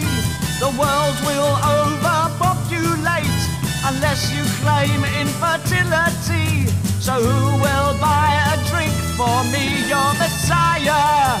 Det är ju verkligen tvära kast från eh, tidigare låten. Han eh, kritiserar och attackerar folk med olika religioner, olika filosofier och, och sånt där. S- So, Ja. who will buy a drink for me? Your messiah. Nej, det känns lite politiskt på ett sätt som han ibland är inne och dabblar i. Jag tycker inte det blir så lyckat. Det här är väl liksom, för mig är det ett kvalitetsdropp här. Jag tycker det är ganska, jag Ja. gillar inte den låten speciellt mycket faktiskt. Alltså jag har ju hört den sedan jag var så liten, men, men det här är, är, är ju den minst bra låten på plattan. So who will buy a drink for me, your messiah? We are not your friends. We don't give a damn for what you're saying. Och här sjunger ju då We are not your friends, vilket låten hette ursprungligen innan den bytte titel. We are not your friends. We don't give a damn for what you're saying. Men om man ska säga något bra om det så det är jävla skönt trumspel, eller hur? Och så den där orgeln som kommer in. Det är jättekul att pitchbända den på något vis och göra någon slags... Ja, jag vet inte hur de gör det. We're here to live our lives. Säkert massa jobb bara den lilla grejen, men det är väl värt det för det ligger som en härlig liten detalj. Not invertible. The crops are few, the cattle gone. There's only one way to linger on. So who will buy a drink for me, your messiah? Men här är vi inne på det här barnsliga igen som jag, jag har lite svårt för det här. Det blir radioteater, eh, kabaré, jag vet inte vad man ska kalla det, men jag, för mig är det liksom för töntigt bara. Ehm, trots att det egentligen är ganska allvarligt ämne i texten. För här kommer ju Bowies liksom fascination för dystopier fram för första gången. Redan på första plattan. För det är någonting han återkommer till senare i Signet Committee och The Superman, men inte, ja, och även hela Diamond Dogs-plattan. Eh, för, det, för jag förstår på 60-talet, eller mitten av 60-talet, så fanns det någon ja, nästan orimlig rädsla för överbefolkning. Att man hade liksom allvarliga eh, bekymmer med att liksom räkna ut hur fan ska vi kunna ge alla mat? Eh, och det märker man ju i flera böcker och även i filmer. Eh, och det finns en bok som heter Make Room, Make Room, som eh, sen blev filmen eh, Soylent Green med Charlton Heston. Jag vet inte om du har sett den? Nej. Eh, där de löser hela den här ja, eh, försörjningsproblemet genom att använda människor som föda. Det är ju en jättebra idé. Och eh, den är väldigt hemsk såklart. Den är dystopisk som attan och väldigt 70-talig. Eh, och jag undrar om inte det kan vara så att han har läst den boken, för den var rätt så poppis på den här tiden. Och så kanske det inspirerade den här texten. We are not your friends. We don't give a damn for what you're saying. We're here to live our lives.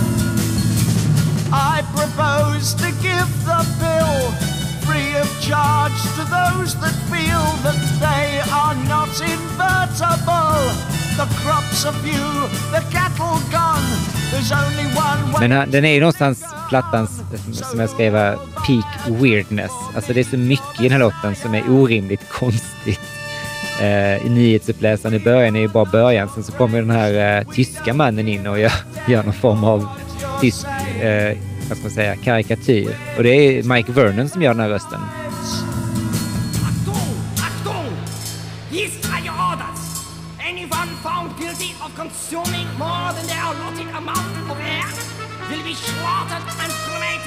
Men man kan ju säga alltså, så mycket om den att den är ju ambitiös den här låten. Gud ja.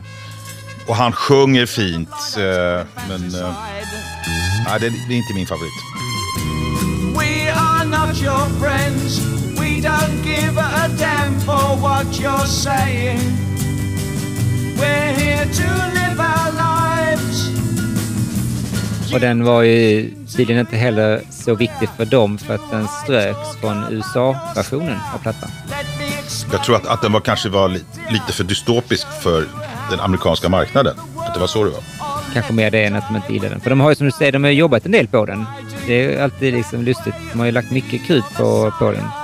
Och eh, till och med dragit in Mike Vernon i, i sångbåset.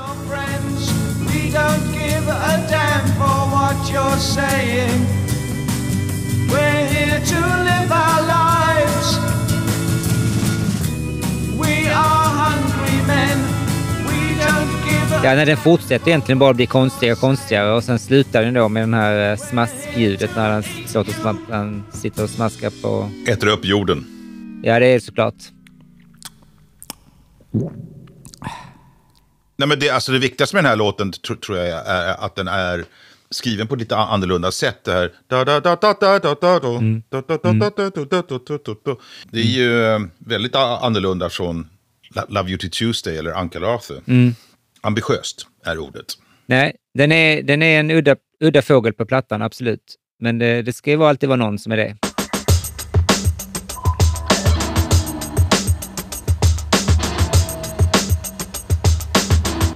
Och nu är vi framme vid uh, sista låten på sida A, som då är låt nummer sju. When I live my dream.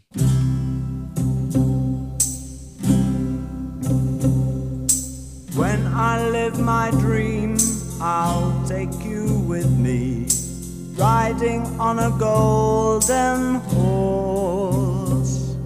We'll live within my castle with people there to serve you, happy at the sound of your voice. På tal om då, vi snackade tidigare om Velvet Underground, så tänkte jag lite på All Tomorrow's Parties i början här.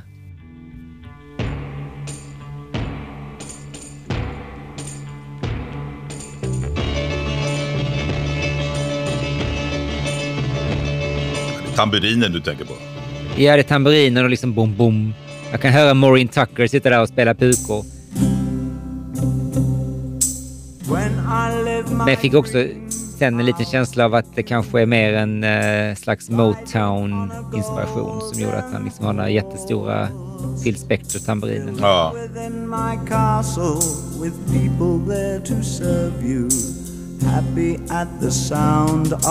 Men fint är det i alla fall och hela, hela låten är extremt välmixad. Det låter ju fantastiskt alltihopa. Baby, I'll slay a dragon for you. Or banish wicked giants from the land. But you will find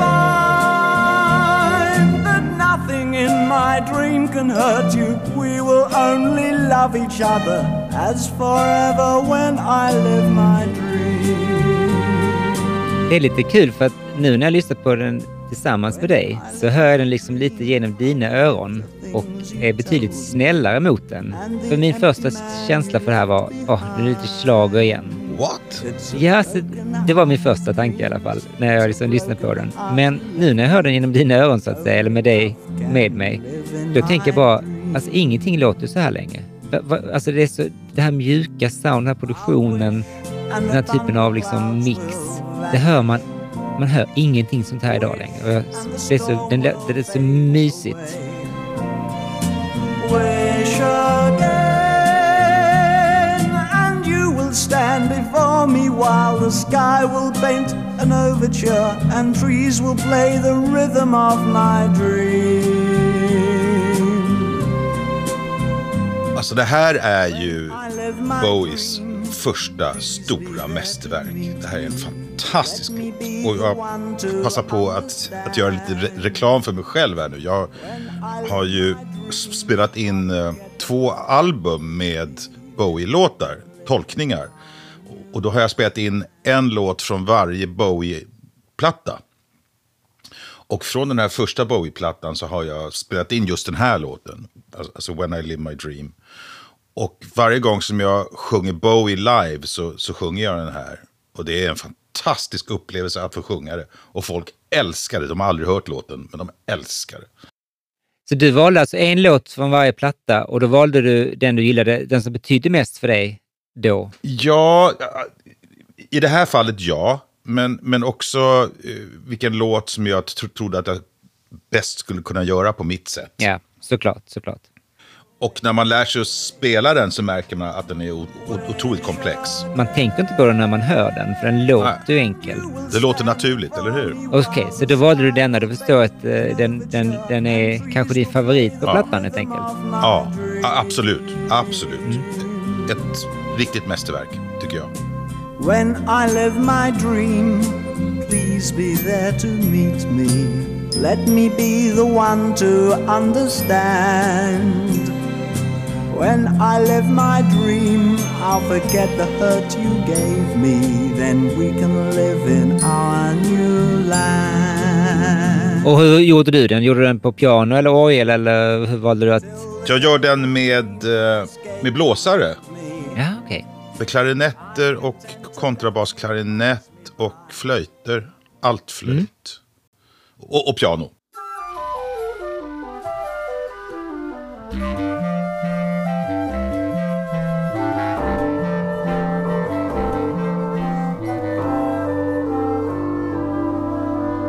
When I live my dream, I'll take you with me, riding on a golden horse. We'll live within my castle with people. Och den här första plattan då, den sträcker sig från första plattan och så pass fram till vilken är sista som nu Det sista är Scary Monsters. Fram till 80-talet och sen så därifrån. Och sen platta nummer två börjar liksom på Let's Dance. Då. Och vad heter den första plattan? Den första plattan heter Kiss You In The Rain. Och, och sen följs den av... Och den andra heter Shining Star i ett ord från eh, Let's Dance. But you will find that nothing in my dream can hurt you. We will only love each other as forever when I live my dream.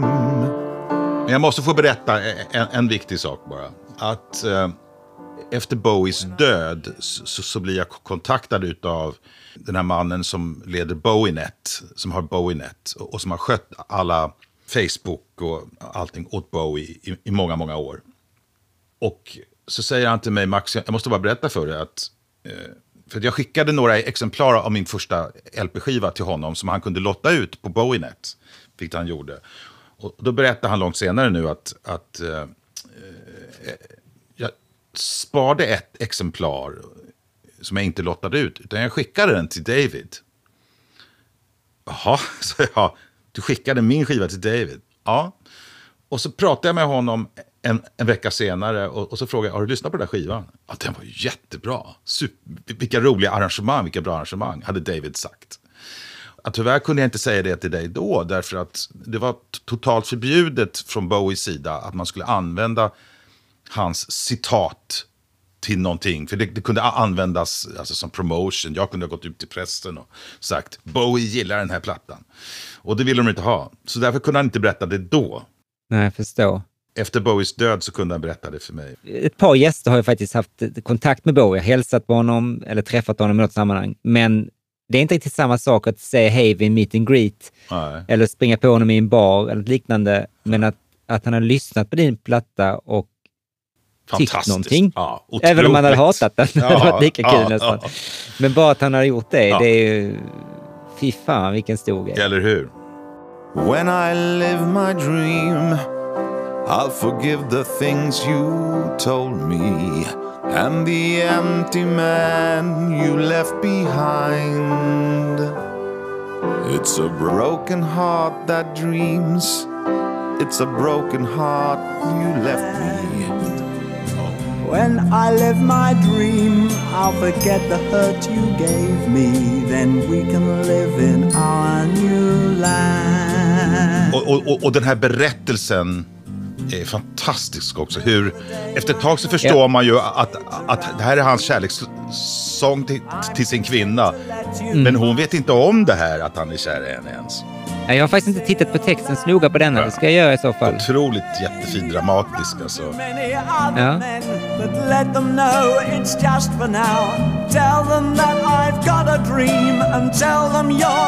Framförallt på slutet så, så tillkommer ju ett, ett slutparti som är otroligt jävla dramatiskt. And I'm gonna make my dream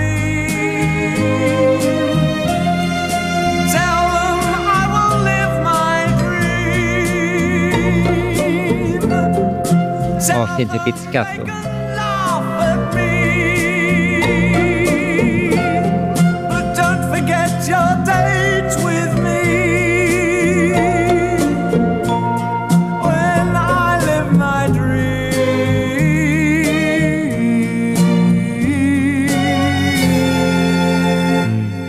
Dramatiskt. Den portugisiska artisten Sir George, jag vet inte fan om uttalar det, mm gjorde en cover av den här i Wes Andersons film The Life Aquatic mm. with Steve Zissou. Jag antar att du har hört den då som du kan. Ja, det är fantastiska versioner. When I live my dreams, para onde foi meu sonho? Para onde ele decidiu mudar? Eu acho que partiu para outro mundo, eu suponho. Em alguma estrela deve estar. Den filmen har väl bara Bowie-låtar, va? Den här killen spelar bara Bowie-låtar, ja. Meu sonho resolver me abandonar Quero ver sem outra vida eu tenho alguma chance When I live my dream I'll forgive the things you told me and the empty man you left behind. Ja, det här var ju en låt som både Bowie och Kenneth Pitt hade superstora förväntningar på. Och eh, de trodde att detta skulle bli hans genombrott. Och eh, man spelade till och med in den här låten också då igen efter att albumet hade släppts fast ut den som singel. Men då sa Decca nej. Eh, och den här nya versionen är med i promotionfilmen däremot. Mm. Så det är en annan version där. Mm, det är inte alls lika bra. Bowie var så övertygad om den här låtens potential att han spelade också in en tysk version av denna som jag då inte har letat upp. Men den har du hört antar jag? Ja, är den också okej eller? Nej, den är fruktansvärd. Den är fruktansvärd. Okej, då tar vi bort den. och han tog även med den i en mimföreställning som han var med i. Mm. Eh, Så att han, han var verkligen förtjust i den här låten själv. Men till slut så läste jag att han fick ge upp hoppet om att eh, breaka med den här låten efter att han hade deltagit med den i en musiktävling på Malta. Mm. Där han blev besegrad av en spansk barnstjärna vid namn Christina. Men sen så vann han ju samma tävling eh, ett par år senare med Space Oddity tror jag. Aha, det visste jag inte. Kul att han fick komma tillbaka och få revansch. Vinna. Okej. Ja.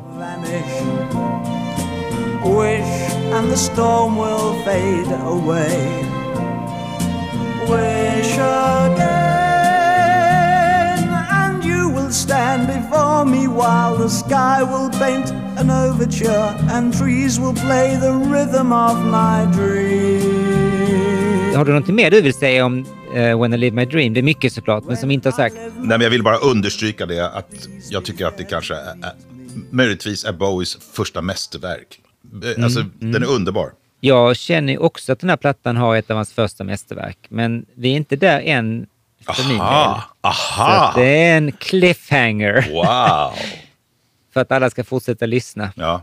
Men jag kan säga som så att nu när vi då vänder till sida B, första låten som är låt nummer åtta, Little Bombardier. Eh, jag kan ju spoila så och säga att det inte är den i alla fall.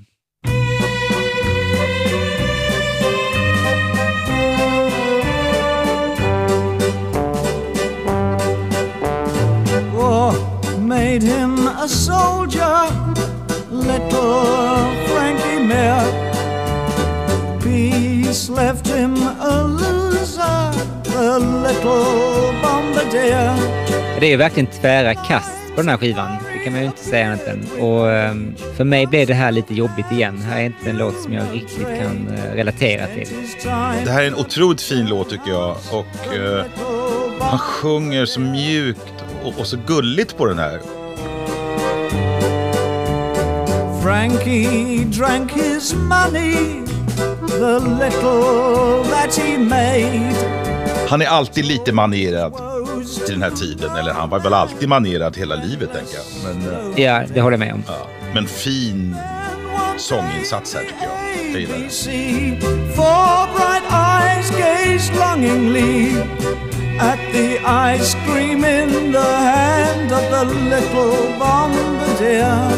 Man ställer låtarna lite mot varandra och då när man går från eh, låten innan, eh, alltså When I Live My Dream eller någon av de tidigare, så, så är väl lite så att det här är inte riktigt min kopp te. Hopeless maze, his life was fun and his heart was full of joy. Om man tänker bort allt det här töntiga, a- a- a- att det är en vals och, och att det är en liten tuba som ligger där. Det är till och med tubasolo. Så om man bara lyssnar på melodin så är den otroligt fin alltså. Det är lite chanson är, är det ju. Ja, verkligen. Och Bowie han lyssnade ju sen efter det här mycket på Brel och... Just det. Mm. För mig är det, jag försöker än en gång komma in i det på en annan vinkel eller så, men Mm. för mig är det liksom, nej, det händer inte.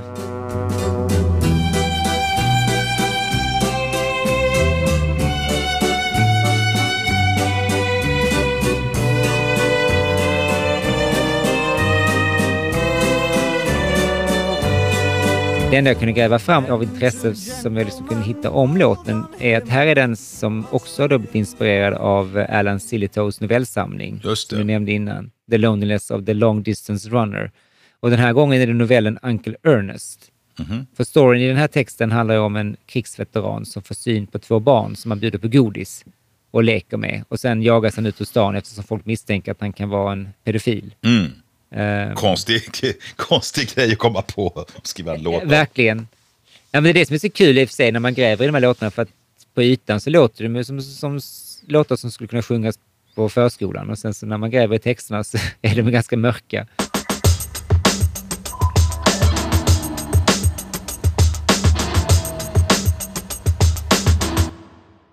Men här är vi eh, inte riktigt på samma våglängd, men jag undrar om inte vi kommer vara det på nästa, för att där kommer vi till den låten jag skulle säga är den riktigt stora Aha. behållningen. Jag blev väldigt förtjust i den här då, låt nummer nio, Silly Boy Blue. Just det. Mountains of Lhasa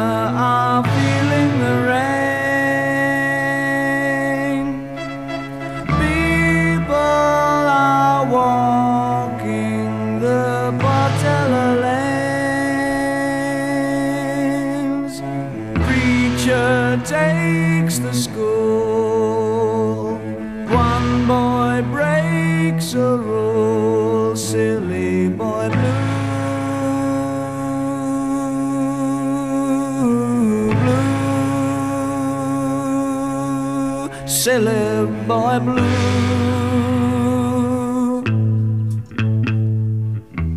Jag antar att du också gillar den. Ja, och det är inte bara du och jag, utan det här var ju en av Bowies e- egna favoritlåtar.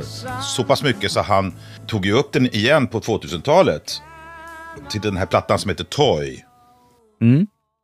Och han har ju spelat in den i väldigt många versioner. Det här var den låten som jag hittade i flest olika eh, roliga liksom, olika det. eh, inspelningar på.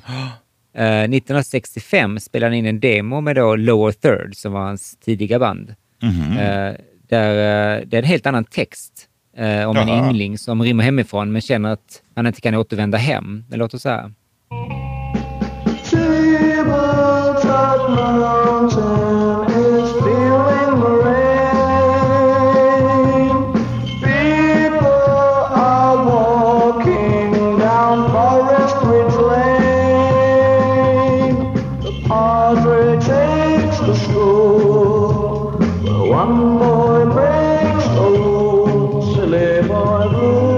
Lite poppigare version kan man väl säga. Ja, lite tråkigare också. Men eh, Ja, nej, jag håller med om. den är i sin linda.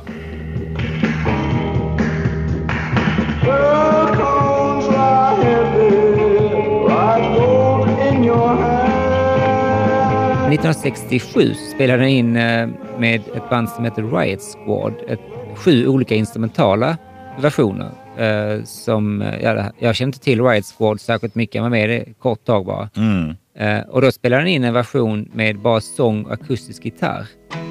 eh, som låter så här.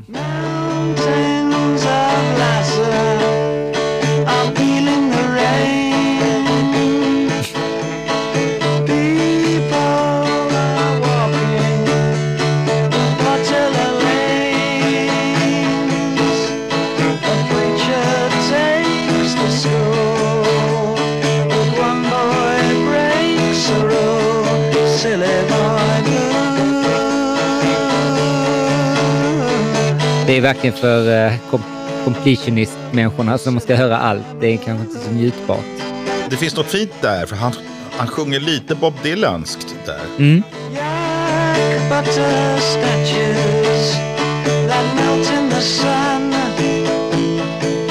Och sen så då spelade han in den sista versionen då 2000 till Toy. Den släpptes inte online förrän eh, 2011. Ehm, men, ehm, Precis, men den läckte ut. Ja, den läckte tio år tidigare. Ja, ja.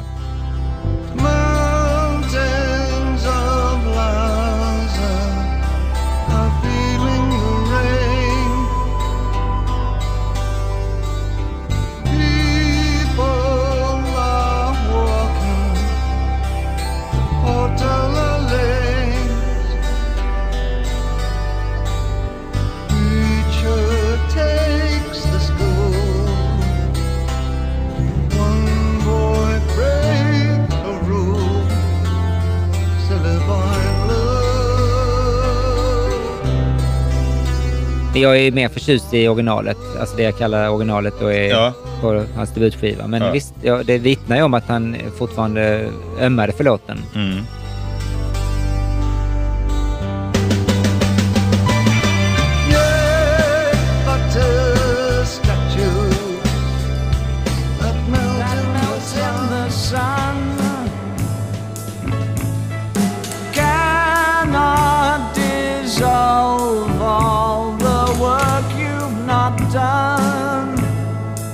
Det är melodin jag är så förtjust i. Det är den som satte sig i huvudet på mig lite eh, oväntat.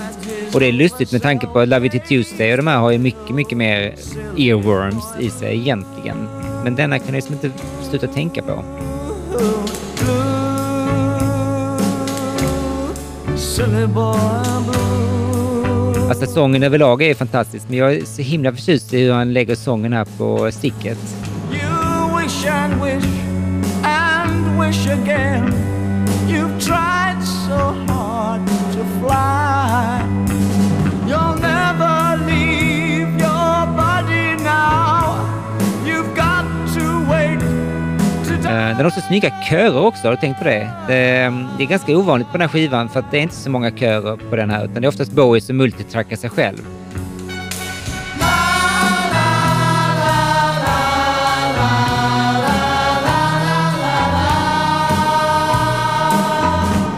Ja, men här är det någon annan som är med.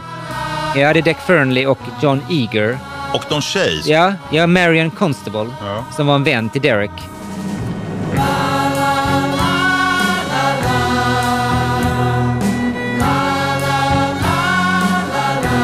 Så de är ju liksom ett litet gäng där och det blir liksom en lite annan känsla ändå när man inte bara är Bowie som multitrackar sig själv. Blue.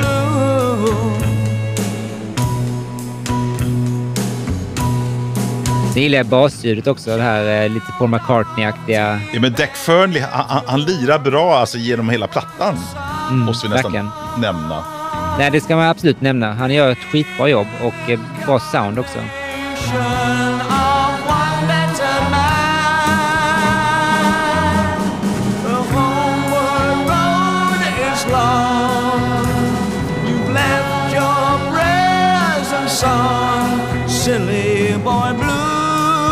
Jag gillar med albumversionen, alltså från plattan som vi pratar om nu, är att det, den blir nästan som en psalm. Och det tycker jag är så fint med den. Och den har ju lite religion eh, och lite så, även om det är långt ifrån kristendomen i sig, den här buddhistiska touchen i texten. Ja. Och, Eh, och, och det så utvecklade han ju ännu mer sen. Alldeles efter det här så träffade han ju Tony Visconti, sin blivande pro- producent. Och, och de delade det här intresset för buddhism. Mm. Och in, inte så långt efter det här så spelade de ju in vad som skulle ha eventuellt blivit uppföljaren till den här skivan, men det blev inte så. Och Mm. då var det en jättebra låt som heter Karma Man, Just det. som också handlar om det här med buddhism. Och sen så återvänder han ju till det på um, Seven Years Tibet. Och i Ja. många andra låtar Ja. så förekommer det väl uh, anspelningar på det. Men, men Ja. det här är liksom första gången då såklart som hans liksom, intresse visar sig. Och det är kul att det är så tidigt. För att Mm. han, det var ju lite så på ropet då att vara lite intresserad av österländsk. Ja. Men, men, men han var ju till skillnad från många andra på riktigt intresserad och, och, och var det sen resten av livet. Eh, och det tror jag var en stor del av, av hans personlighet. Jag har tänkt mycket på det i samband med hans cancer och hur han förhöll sig till sin egen dödlighet och acceptans och så. Jag tror att han hämtade jättemycket kraft ifrån buddhismen. Men och, så har vi också den här skivan som heter Buddha of Suburbia, inte för att det har, så mycket med, med Mm. Bowie att göra, men Nej, men klart. Eh, Den här staden som han nämner, Lhasa, Ja. eh, det är en tibetansk stad. Eh, Det, är också liksom, han, just att han liksom nämner faktiska städer, platser och, och reinkarnation och chela som är en slags tjänare eller lärling. Ja. Det är också någonting han gör ju väldigt mycket genom sin karriär, att när han är intresserad av någonting så drar han in det i sina texter. Och det kan ju vara The Tree of Life och det kan vara Kabbala och det kan vara allt möjligt. Liksom. Så Mm. Det är så typiskt att man får ju, redan här får man ju vara lite påläst om man ska fatta vad han sjunger om. rätta mig om jag har fel, men han nämner väl jakost eller jakmjölk i den här texten? Ja, nej, det är jaksmör. Eh, ja, jag trodde att det var någon slags superudda grej liksom. Men det är det tydligen inte, det är ganska Nej. vanligt. Ja, ja. Det Eh, är vad de har där det. är de, eh, ja, det är inte udda. Det är alltså statyer av jaksmör. Butter statues that melt in the sun. Ja, det är fint. Det är en fin bild. Eh, jag är nästan sugen på att åka Mm. till Tibet bara för att se dem. Det låter helt bisarrt. Ja, det gör vi. Vi åker du och jag. För fan. Det får vi kosta på. Sheila likes to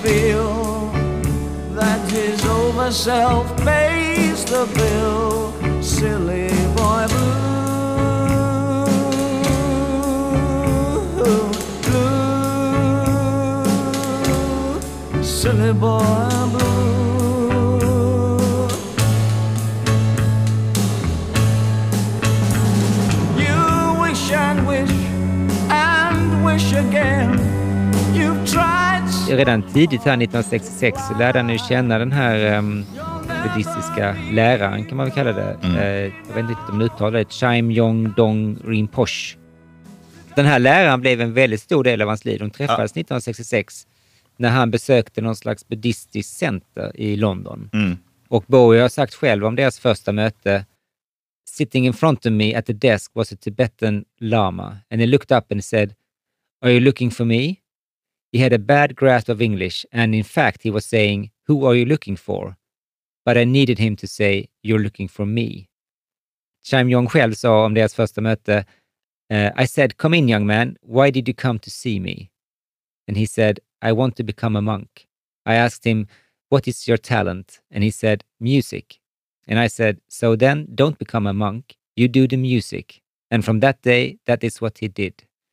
Och de förblev vänner i 50 år och ben, ja, Bowie vände sig ofta till honom för råd och stöd. Liksom. Så det är helt fint. eh. Och jag tror att eh, även Tony Visconti gick till honom. Jag har alltid trott att det var Bowie som fick Tony Visconti på buddhismens eh, vägar, så att säga. Men det kanske var att Tony Visconti hade upptäckt det på egen hand. Jag och tror det. var- hade gemensamt. Mm.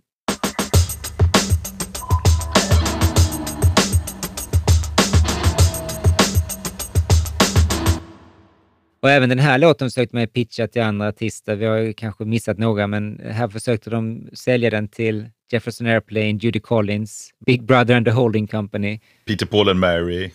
och ingen som nappade. Ingen ville ha den. Däremot var det en som nappade, det var ju Billy Fury, som jag knappt känner till. Just det. Den har jag. På singel. Ja, han gjorde en cover på den här, ja. Du har det? Okej, jag hade hört den. 1968 släppte han den som B-sida på singeln One Minute Woman.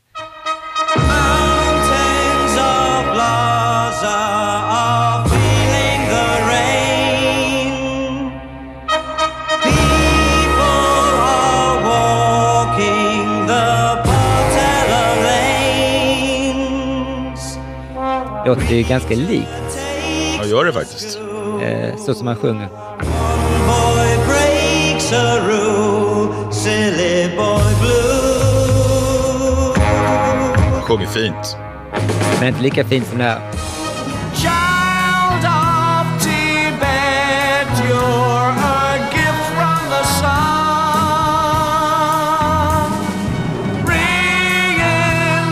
Reincarnation of one better man. Ja, vi halkade in lite på det här med buddhismen och det, men själva låten det har vi inte snackat jättemycket om. Och det är lite kul för att det är melodin som är så stark. Och eh, den är så stark att eh, 1992 så gjorde Right Said Fred en låt som heter Don't Talk Just Kiss. Som jag hörde någon tyckte var misstänkt likt.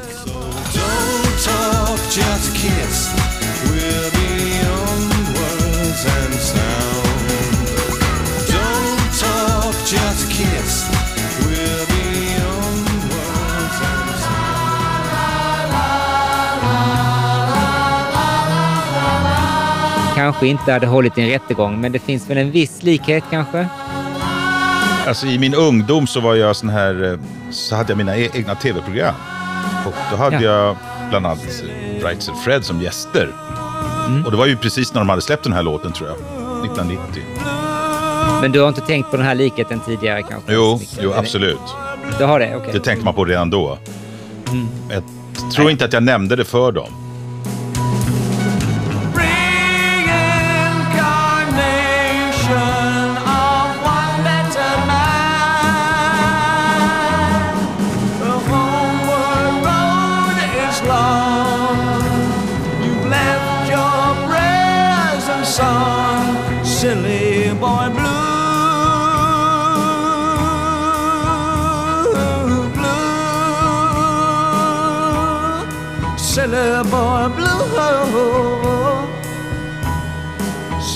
Boy blue.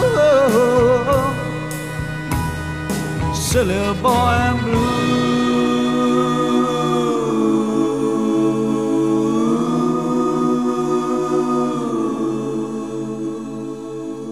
Men då tycker jag vi har väl tömt vad man kan säga om, om detta lilla mästerverk och eh, Jättefin låt. Jättefin. då går vi vidare till eh, låt nummer 10 då, då som heter Come and buy my toys.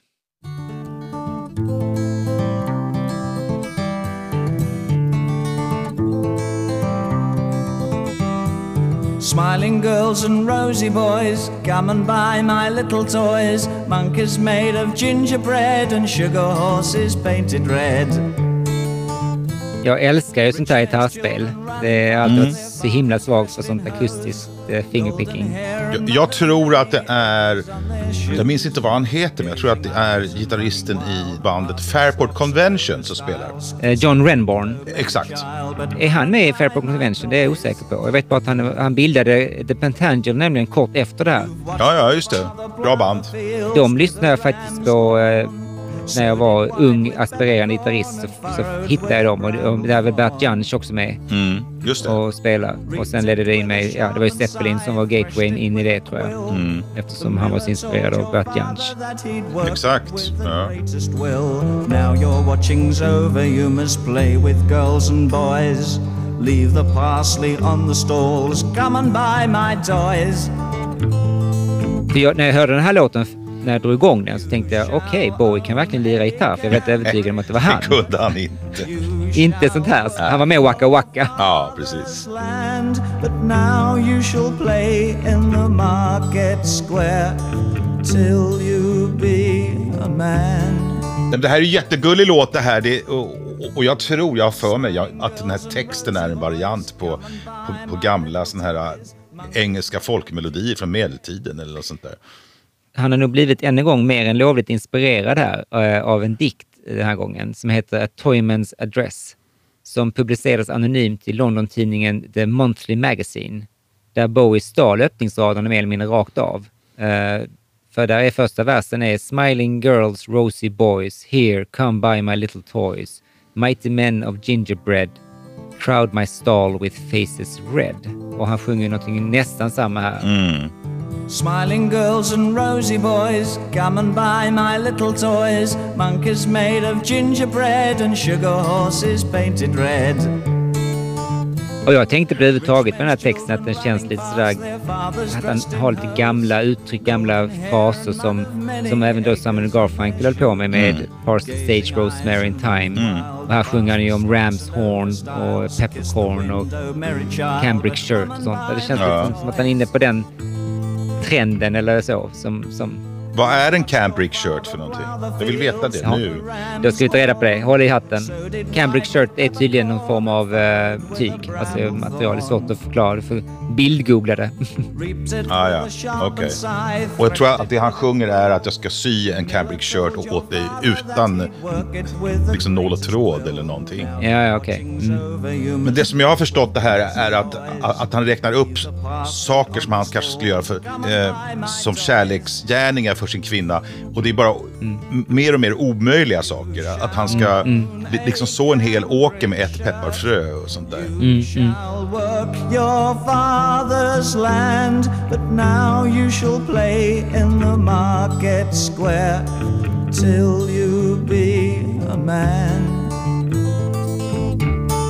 Det är en gullig låt. Eh, den är inte fantastisk.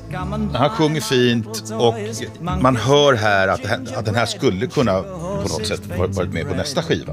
Det har du rätt i. Den skulle absolut kunna platsat där, ja. På Space Oddity-skivan. Ja. Och det lustiga med Space Oddity då, apropå att vi talade om eh, The Pentangle, som då Jen, John Renborn eh, bildar kort därefter. Trummisen i The Pentangle heter Terry Cox och han spelar senare på Space Oddity. Just det, just det. Stämmer. Så allting eh, binds ihop här på något vis. Mm. Och eh, även här så har jag hittat en referens in i 2000-talet för att eh, den är misstänkt likt eh, Don't Tell Me med Madonna som släpptes år 2000. Nej, sant.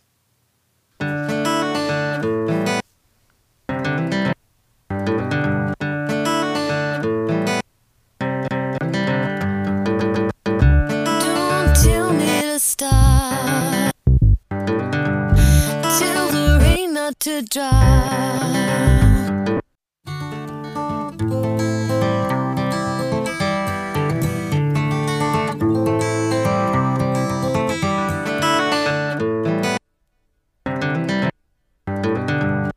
Don't tell me to stop. Tell the rain not to drop. Man kan ju för sig inte copyrighta en ackordföljd, men det är... Intressant. Ja, lite kuriositet. Men det är kul med sådana likheter. Det är en sån låt som många skivor har som man inte kanske håller som sin favorit, men den, den har sin plats. Den kommer som en liten ehm, Ja. mellanlåt. Det är inget mästerverk, men den, här, den, den stör inte. Och han sjunger, han sjunger jättefint på den. Ja, det gör han. Han sjunger fint på allting. Men han, och det är det som jag tycker är kul, även med en sån här låt som är lite av en eh, mellanlåt, så är den ingen... Den är genomarbetad. Den är, Mm. den är precis som den ska vara, Mm. produktionen. Mm. Enkel. Men, ehm, ja, men då kör vi vidare till låt nummer 11 som heter Join the Gang. Yeah. Ja, de trummorna skulle jag vilja sampla. Let me introduce you to the gang. Johnny plays the sitar, he's an existentialist. Once he had a name, now he plays our game. Ja, här är vi tillbaka i Crazyland. Eh, sån jäkla kick med de här trummorna i början och sen rakt in i någon slags eh, lekledar-Bowie. Acid full of soul and crazy hip. Someone switched her on, then her beam went wrong. Cause she can't switch off now that she's joined the gang. Som Syd Barrett utan droger, skrev jag. Ja, fast jag tycker att det är mycket mer inspirerat ut, utav eh, Ray Davis och, och The Kinks. Som ju, Ah. Han betraktade sin omgivning och, och, och skrev låtar om, om det. Eh, Mm. Dedicated follower of fashion och såna här låtar. Mm, Och det här mm. gjorde ju Bowie på den här låten och så gjorde han den på eh, en, en låt som vi inte ska ta upp idag, men, men som är, är ändå från samma tid, som hette eh, The Gospel According to Tony Day. Där han Okej. berättar om olika liksom människor som han betraktar och, och hur de är och hur de beter sig. Och, och, och det är lite kul med, med den här låten tycker jag ändå. Det är lite annorlunda. This is what to do now that you're here. Sit round doing nothing altogether very fast. Psychedelic stars throwing down cigars. They're picking up the joints now that they've joined the gang.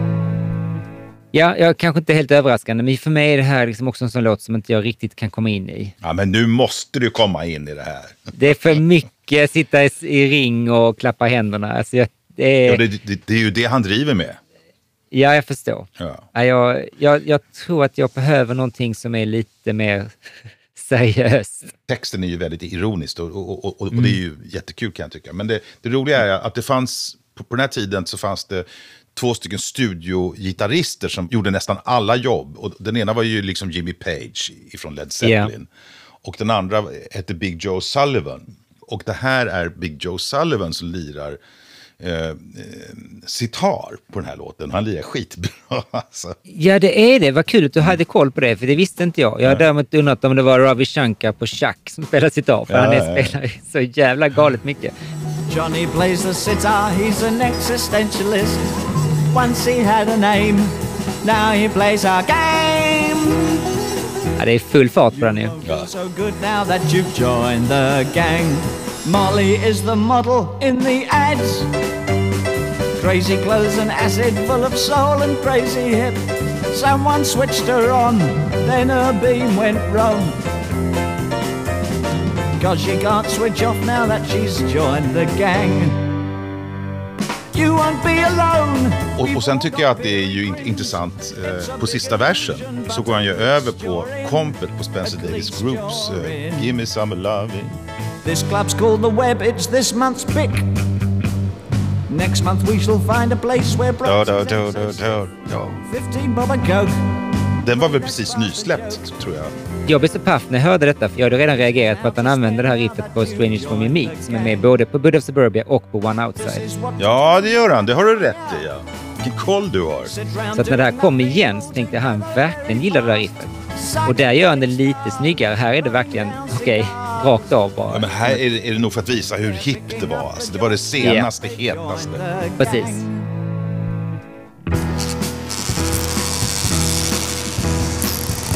Psykedeliskt. Eh, minst sagt. Det är väldigt mycket ljud och panoreringar och pianon. Och knäckebröd. Och trummor.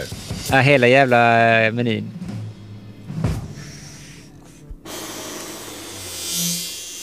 Och gud vet vad det var för någonting.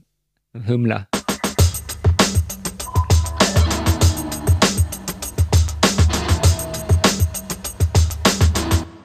Ja, men den är kul den där låten. Det är inget mästerverk, men den är rolig. Nej, den är, den är väldigt typisk för skivan. Skulle man spela upp den här för någon så skulle man... Det är liksom... En del av den här skivan har ju den här soundet och den här känslan. Och den är en typisk representant för den här lite lekfulla Bowie, liksom, som, som sen inte kanske är så framträdande på Silly Boy Blue eller, eller så. Så det, det, den pendlar liksom fram och tillbaka mellan Mm. de här två Mm. ytterligheterna. Ja, men det är ju roligt. Då går vi in på låt nummer 12 som heter She's Got Medals. Åh!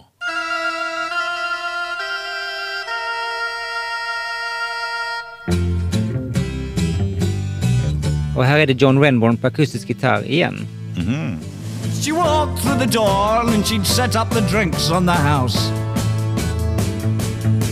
She played a good game of darts and the men slapped her back and never took her out. She wore a trench coat khaki. Her hobnail boots were full of holes. She's got den här.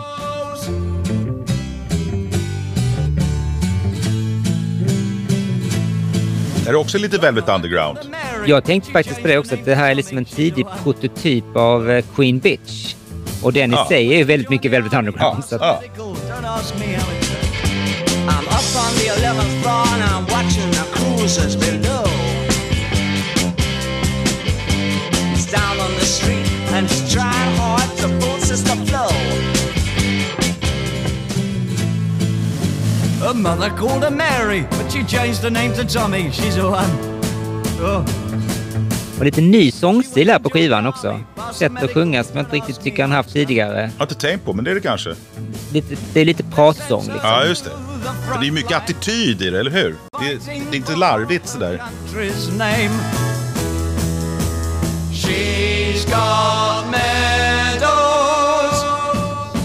She got very tired Och det här är lite av eh, den udda låten på skivan som jag faktiskt gillar. Den har liksom verkligen vuxit mig för att om man ska följa vad jag tyckt om tidigare låtar så har jag varit lite kritisk mot de här lite tramsiga låtarna eller barnsliga låtarna. Mm. Men den här kan jag liksom inte värja mig mot.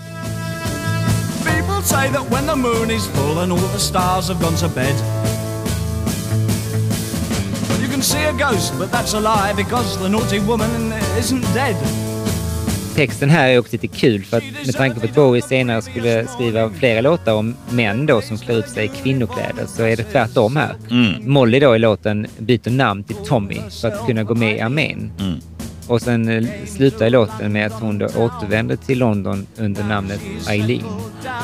Eh, och det läste jag sen att det finns faktiskt flera dokumenterade fall av kvinnor då som låtsas vara män för att kunna vara med i första världskriget. Ja. Vilken grej. Ja, fascinerande. Tuffa, tuffa brudar. Det läste han någonstans och så tänkte han, men jag skriver en låt om det. Ja. Nej, men det tycker jag är kul och då, då, då blir den textraden extra rolig. Då she went and joined the army, passed the medical. Don't ask me how it's done. She went and joined the army, passed the medical. Don't ask me how it's done. Det väcker bilder. Fighting for her country's name. She's got medals. She got very tired of picking up girls, cleaning her gun and shaving her curls. Then the enemy dropped a bomb. Survivors there were none. Han sjunger fint där, det där sticket. Mm. Men man kan ju inte komma ifrån att det låter lite som att de har mutat gitarrspåret. Alltså jag gillar att det inte är någon gitarr, Mm. men i många andra sammanhang så hade man ju lagt någon form av elgitarr där. Liksom, som, Det var inte hans grej.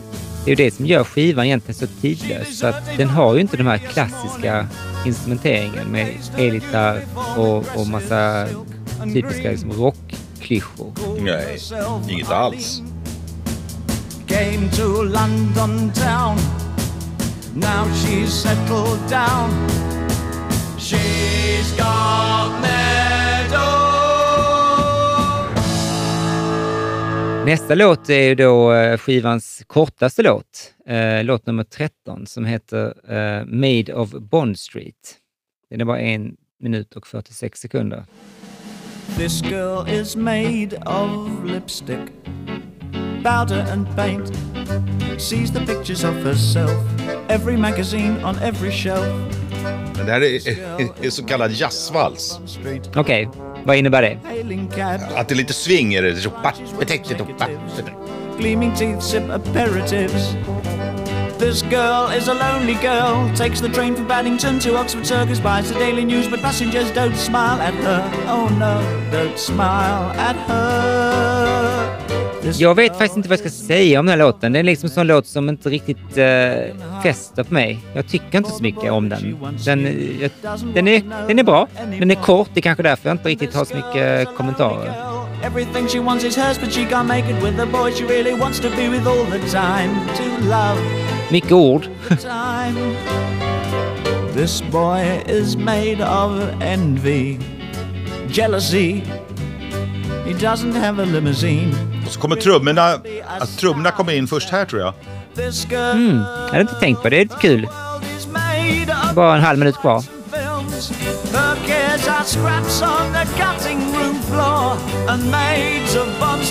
Jag vet inte vem det är som spelar kompgitarr, men det är väldigt svängigt alltså. Och det är Mm. den enda låten med elgitarr faktiskt. Det är inte en ackgitarr det. Nej, det är sant. Ja, du menar så. Ja, det är ju så. Du spelar kompet, ja. Shouldn't have love affairs. Lilla fina pianot där. Nej, den är jättebra tycker jag. Han sjunger ju jättebra, återigen alltså. Mm. Men det är ju teater, det, det är ju liksom Ja. teatralt. Men det var hans Absolut. grej då. Mm.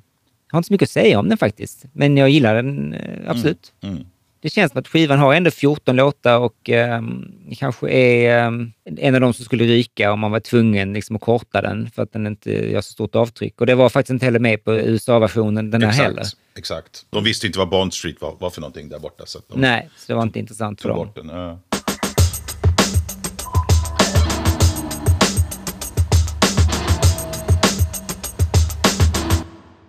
Och eh, om Bowie har varit liksom lite uh, ute på, uh, vad ska man säga, konstiga arrangemang och märkliga liksom, idéer så tar han ju verkligen det in i kaklet på sista låten. Låt nummer 14 då, Please Mr Gravedigger.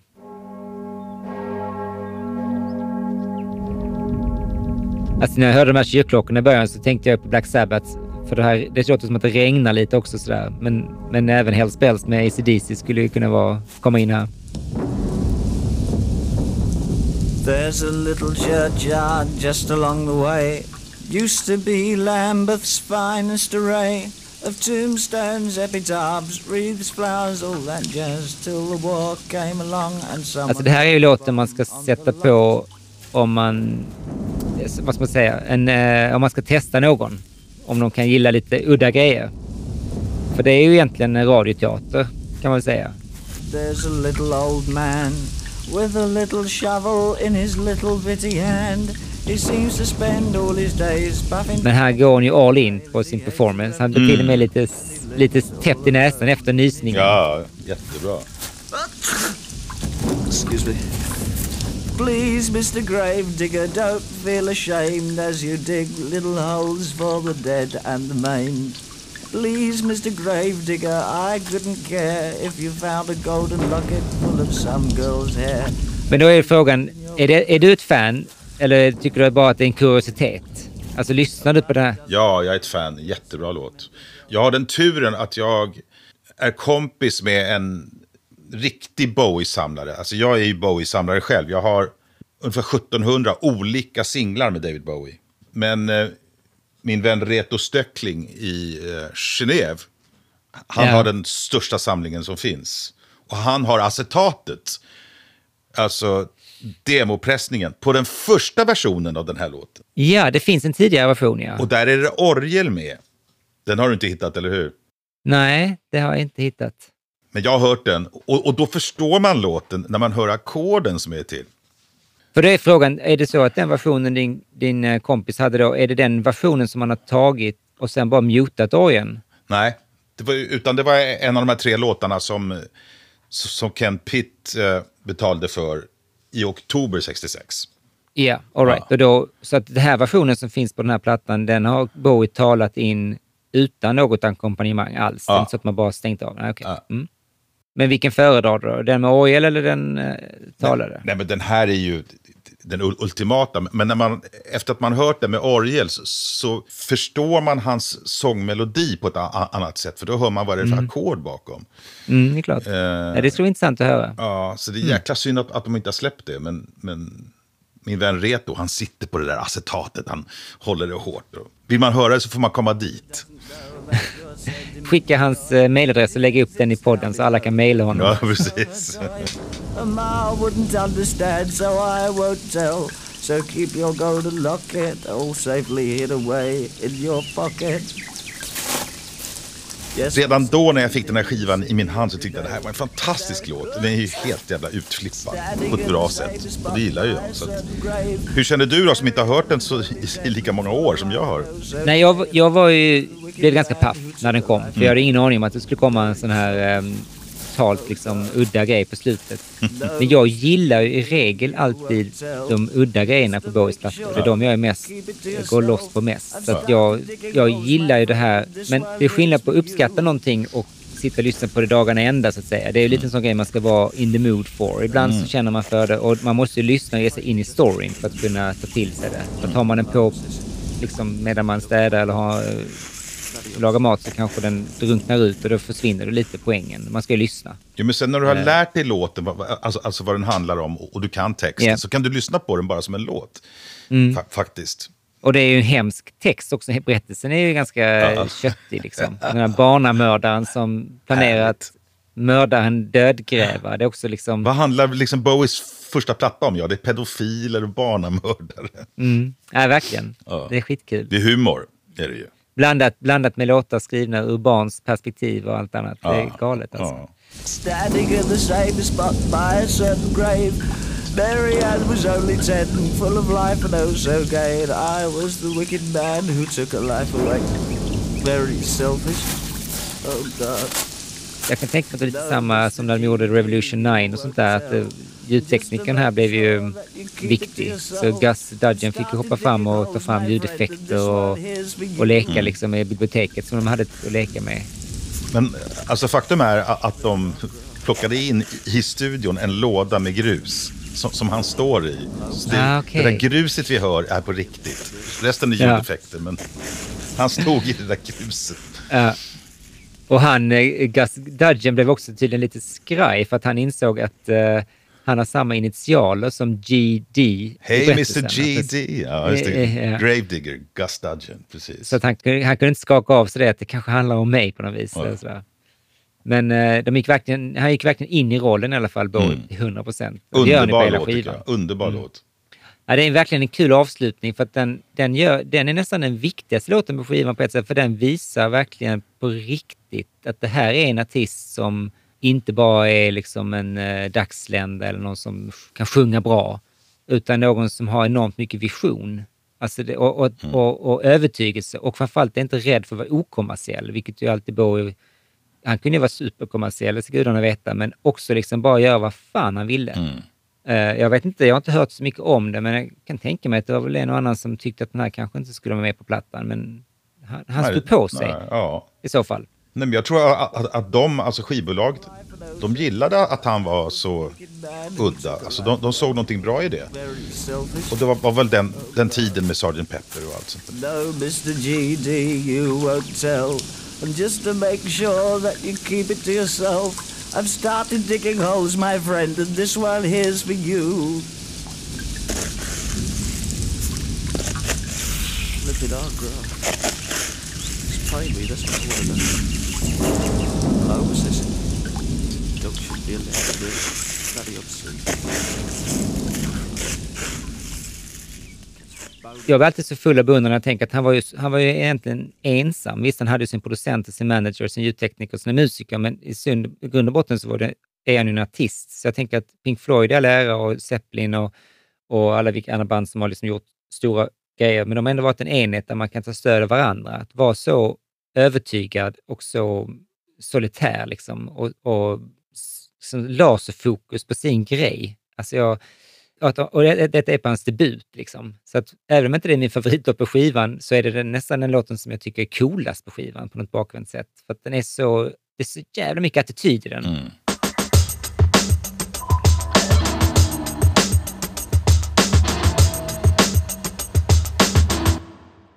Ja, I vanliga fall så är ju det här då sista låten på skivan och eh, vi skulle wrappa upp och eh, ha lite avslut. Men eh, i det här fallet så kommer jag göra ett litet undantag för att det finns ett par låtar här som vi måste nästan prata om. För att de är så viktiga för, för hela den här perioden, kan man säga. Jag håller med dem. Man kan nästan inte utelämna dem ur diskussionen. Och ehm, det är framförallt två låtar då som vi har valt ut som vi skulle vilja ta upp som inte kom med på skivan. Det är första låten jag tänkte vi skulle prata om är The London Boys. Så blir det låt nummer 15 kan man säga.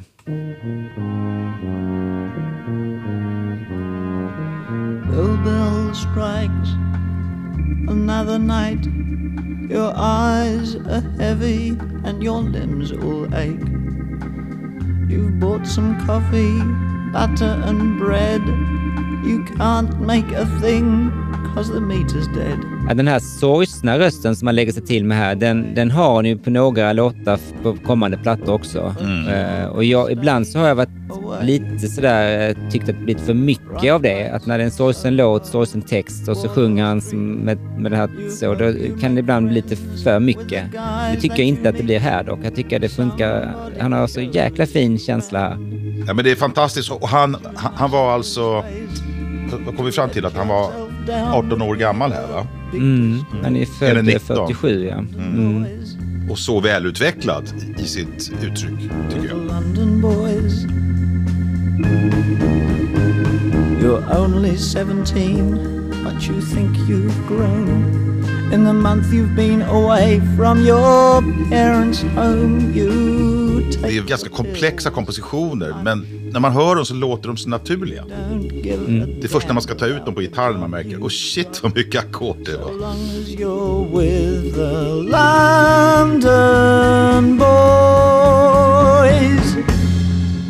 Jag tror att det här är den första riktiga Bowie-kompositionen, om man kan säga så. Alltså, när han började att skriva lite mer ambitiösa låtar. Det vi hörde på nu är ju inga krångligheter, men sen på slutet, precis som på uh, When I Live My Dream, så händer det massa ackord. Det, det, det är typiskt Bowieskt. Så jag tycker att, att det där är en milstolpe. Mm, A lot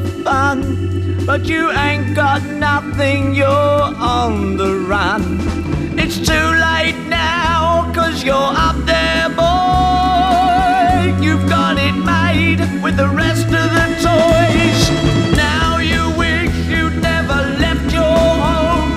You've got what you wanted, but you're on your own with the London boy. Ja, han visar verkligen sin spännvidd. För att när jag börjar på den låten så då trodde jag först inte att det var Bowie som sjöng. Alltså för en sekund så blev jag så, det var så en annorlunda röst. Och det är ju som jag nämnt tidigare, han har ju möjligheten att, eh, eller han har ju kapaciteten att byta röstläge och byta karaktär i rösten. Men här gör han det på ett sätt som jag inte var beredd på. Och så visar han ju sin spännvidd ju. Han går upp i liksom, alltså jag måste säga att det kändes nästan som Ola Salo mot slutet och det Han har lyssnat på den här, han har lyssnat på den här Ja. Perioden. Han har ju lyssnat mycket på Bowie och framförallt eh, Boogie Woogie-perioden, men även detta 100 procent. Ja. Han och Direva.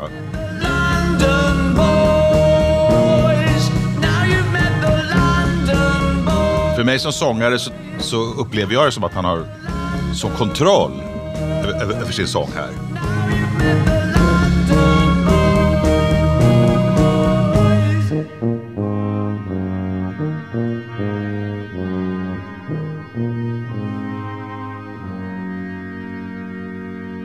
Och det var ju tänkt som en singel, speciellt i Amerika, men de, de vill inte ha någon låt där han sjunger om pills. Nej, det är lustigt med tanke på att det är ju en låt som är ganska anti-droger, får man väl säga. Men bara referensen till droger på det sättet var liksom big no-no för dem. Han berättar väl egentligen i, låten bara hur det var att, komma in till London som, som ungdom från förorten och se alla de här människorna och, och, och att det fanns ju då piller som man tog, små blåa kan man tänka, blåa piller. Ja, ja.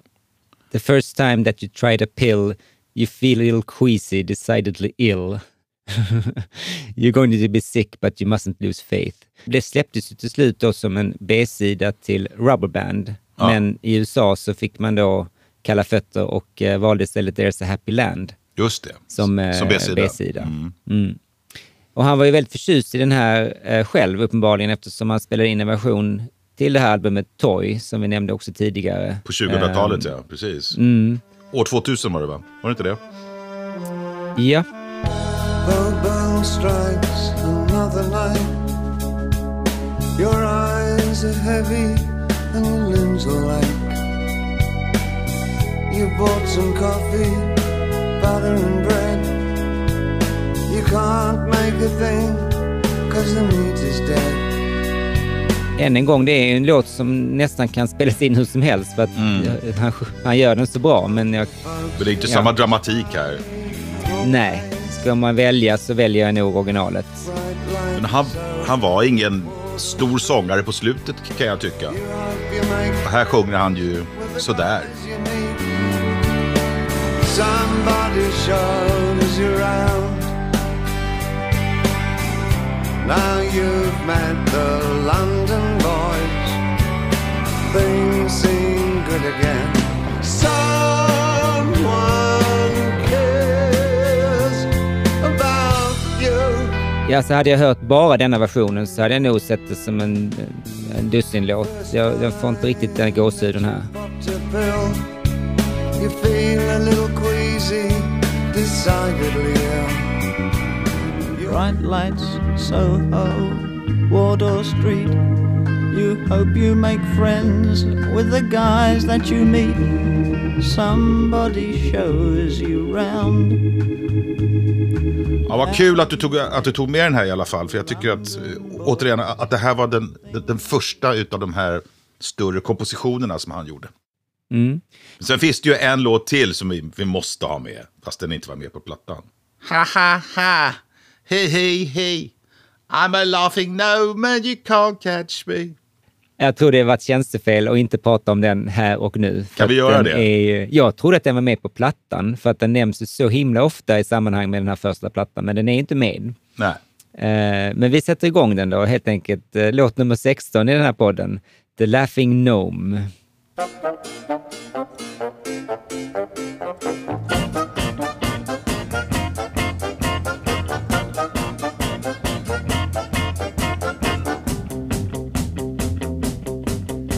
I was walking down the high street when I heard footsteps behind me. And there was a little old man in scarlet and grey chuckling away. Alltså det här är en väldigt omtalad låt, minst sagt. Eh, och frågan är då, är du ett fan av den, alltså på riktigt, eller är det mest bara att du tycker den är kul? Absolut ett fan. Jättebra. Alltså om man, om man, om man bortser från det komiska i den så är det en otroligt bra låt.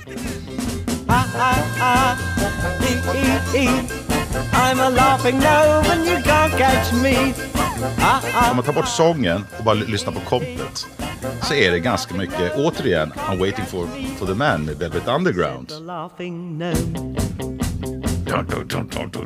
Well, I gave him Jag tänkte på det nu faktiskt när jag lyssnade på den för första gången eftersom du nämnde det tidigare att det, har det här drivet. Det här lite ganska basic kompet. Det är ju inget fancy utan det är ganska stadigt liksom. Ja, åttondelar liksom. Ja. Hey, where do you come from? Oh, really? Men eh, den stora grejen är ju såklart röstförvrängningarna och, och röstmanipulationerna. Det är det som gör att det sticker ut. Annars hade man inte tänkt på den så mycket tycker jag. För att, alltså hela debutskivan är full av låtar som är lite barnsliga eller. Men här går han ju all in. Och han har ju alltid gillat att leka med röster. Det gör han ju även på, ehm, på ehm, After All, tänker jag på, på The, The Man Is All The World. Och, eh, och The Bewley Brothers också lite i slutet. Och, Ja, just det. ehm, och, och sen såklart massor av spåren på Outside. Haven't you got a gnome to go to? Didn't they teach you to get your hair cut at school? You look like a rolling gnome. Ibland blir det mindre bra, ibland blir det lite bara weird. Men här är det ju som så uppenbart, det är ingen subtila grejer här vi snackar om. utan det- är som att de har liksom gått och hittat nya leksaker och bara kul. Eh, inte tänkt så mycket. It's the, uh, it's the gnome service, of course. Alla de här one-linersna som är med här är ju underbara. Jo, nej, det, det, det, är väldigt, det är nästan svårt att välja ut någonting som att spela upp. För att allting, den är full av grejer. Hela tiden händer det saker. ju.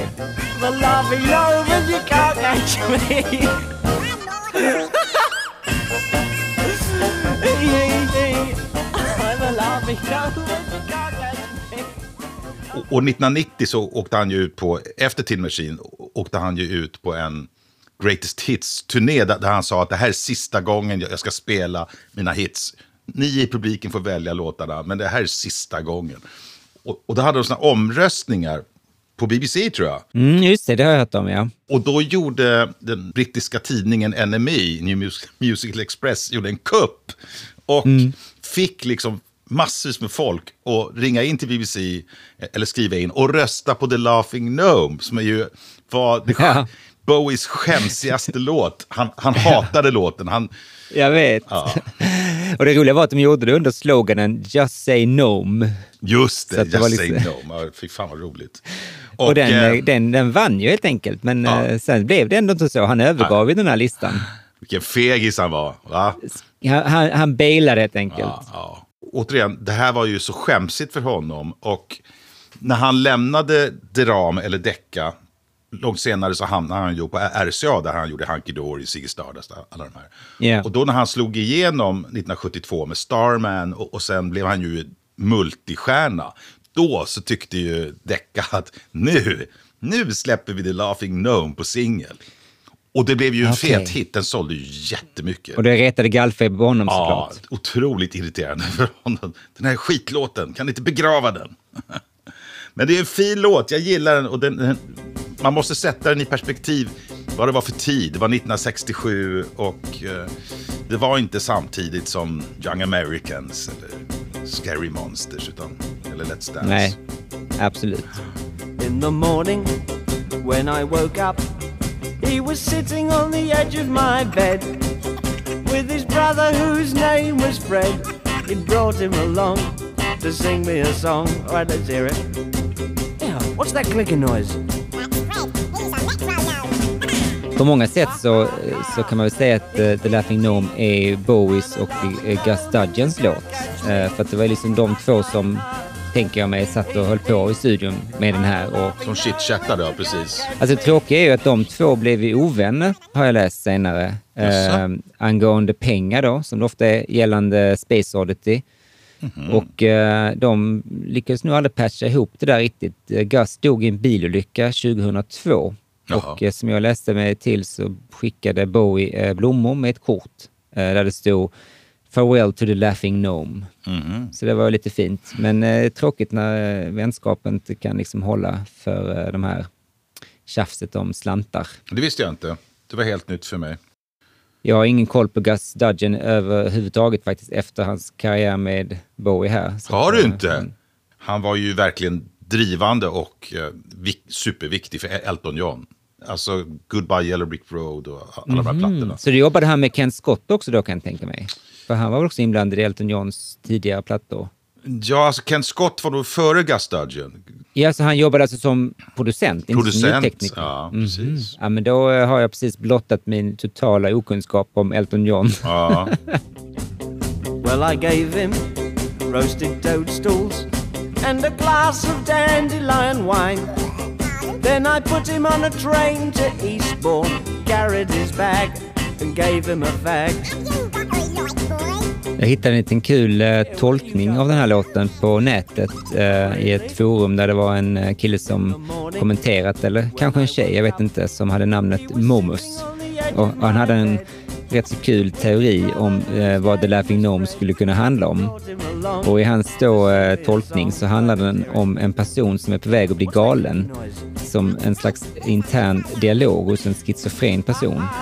Som då går ner för gatan och hör underliga röster och ser syner. Eh, av en då en sån här gnome, eller tomte. Och sen får han då syner även hemma.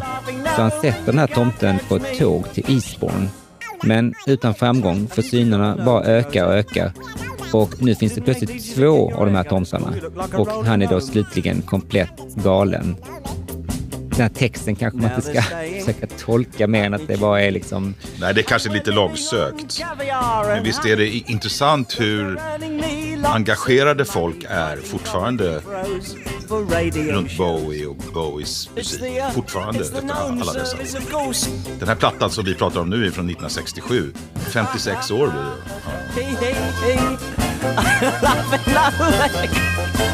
Ja. You can't catch me.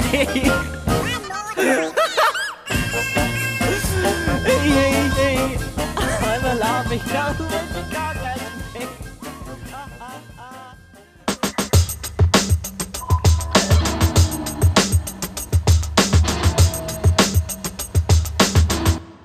Man ska ju kanske undvika lite att jämföra den här skivan, för att det är inte rättvist. Det är liksom inte det man ska hålla på med.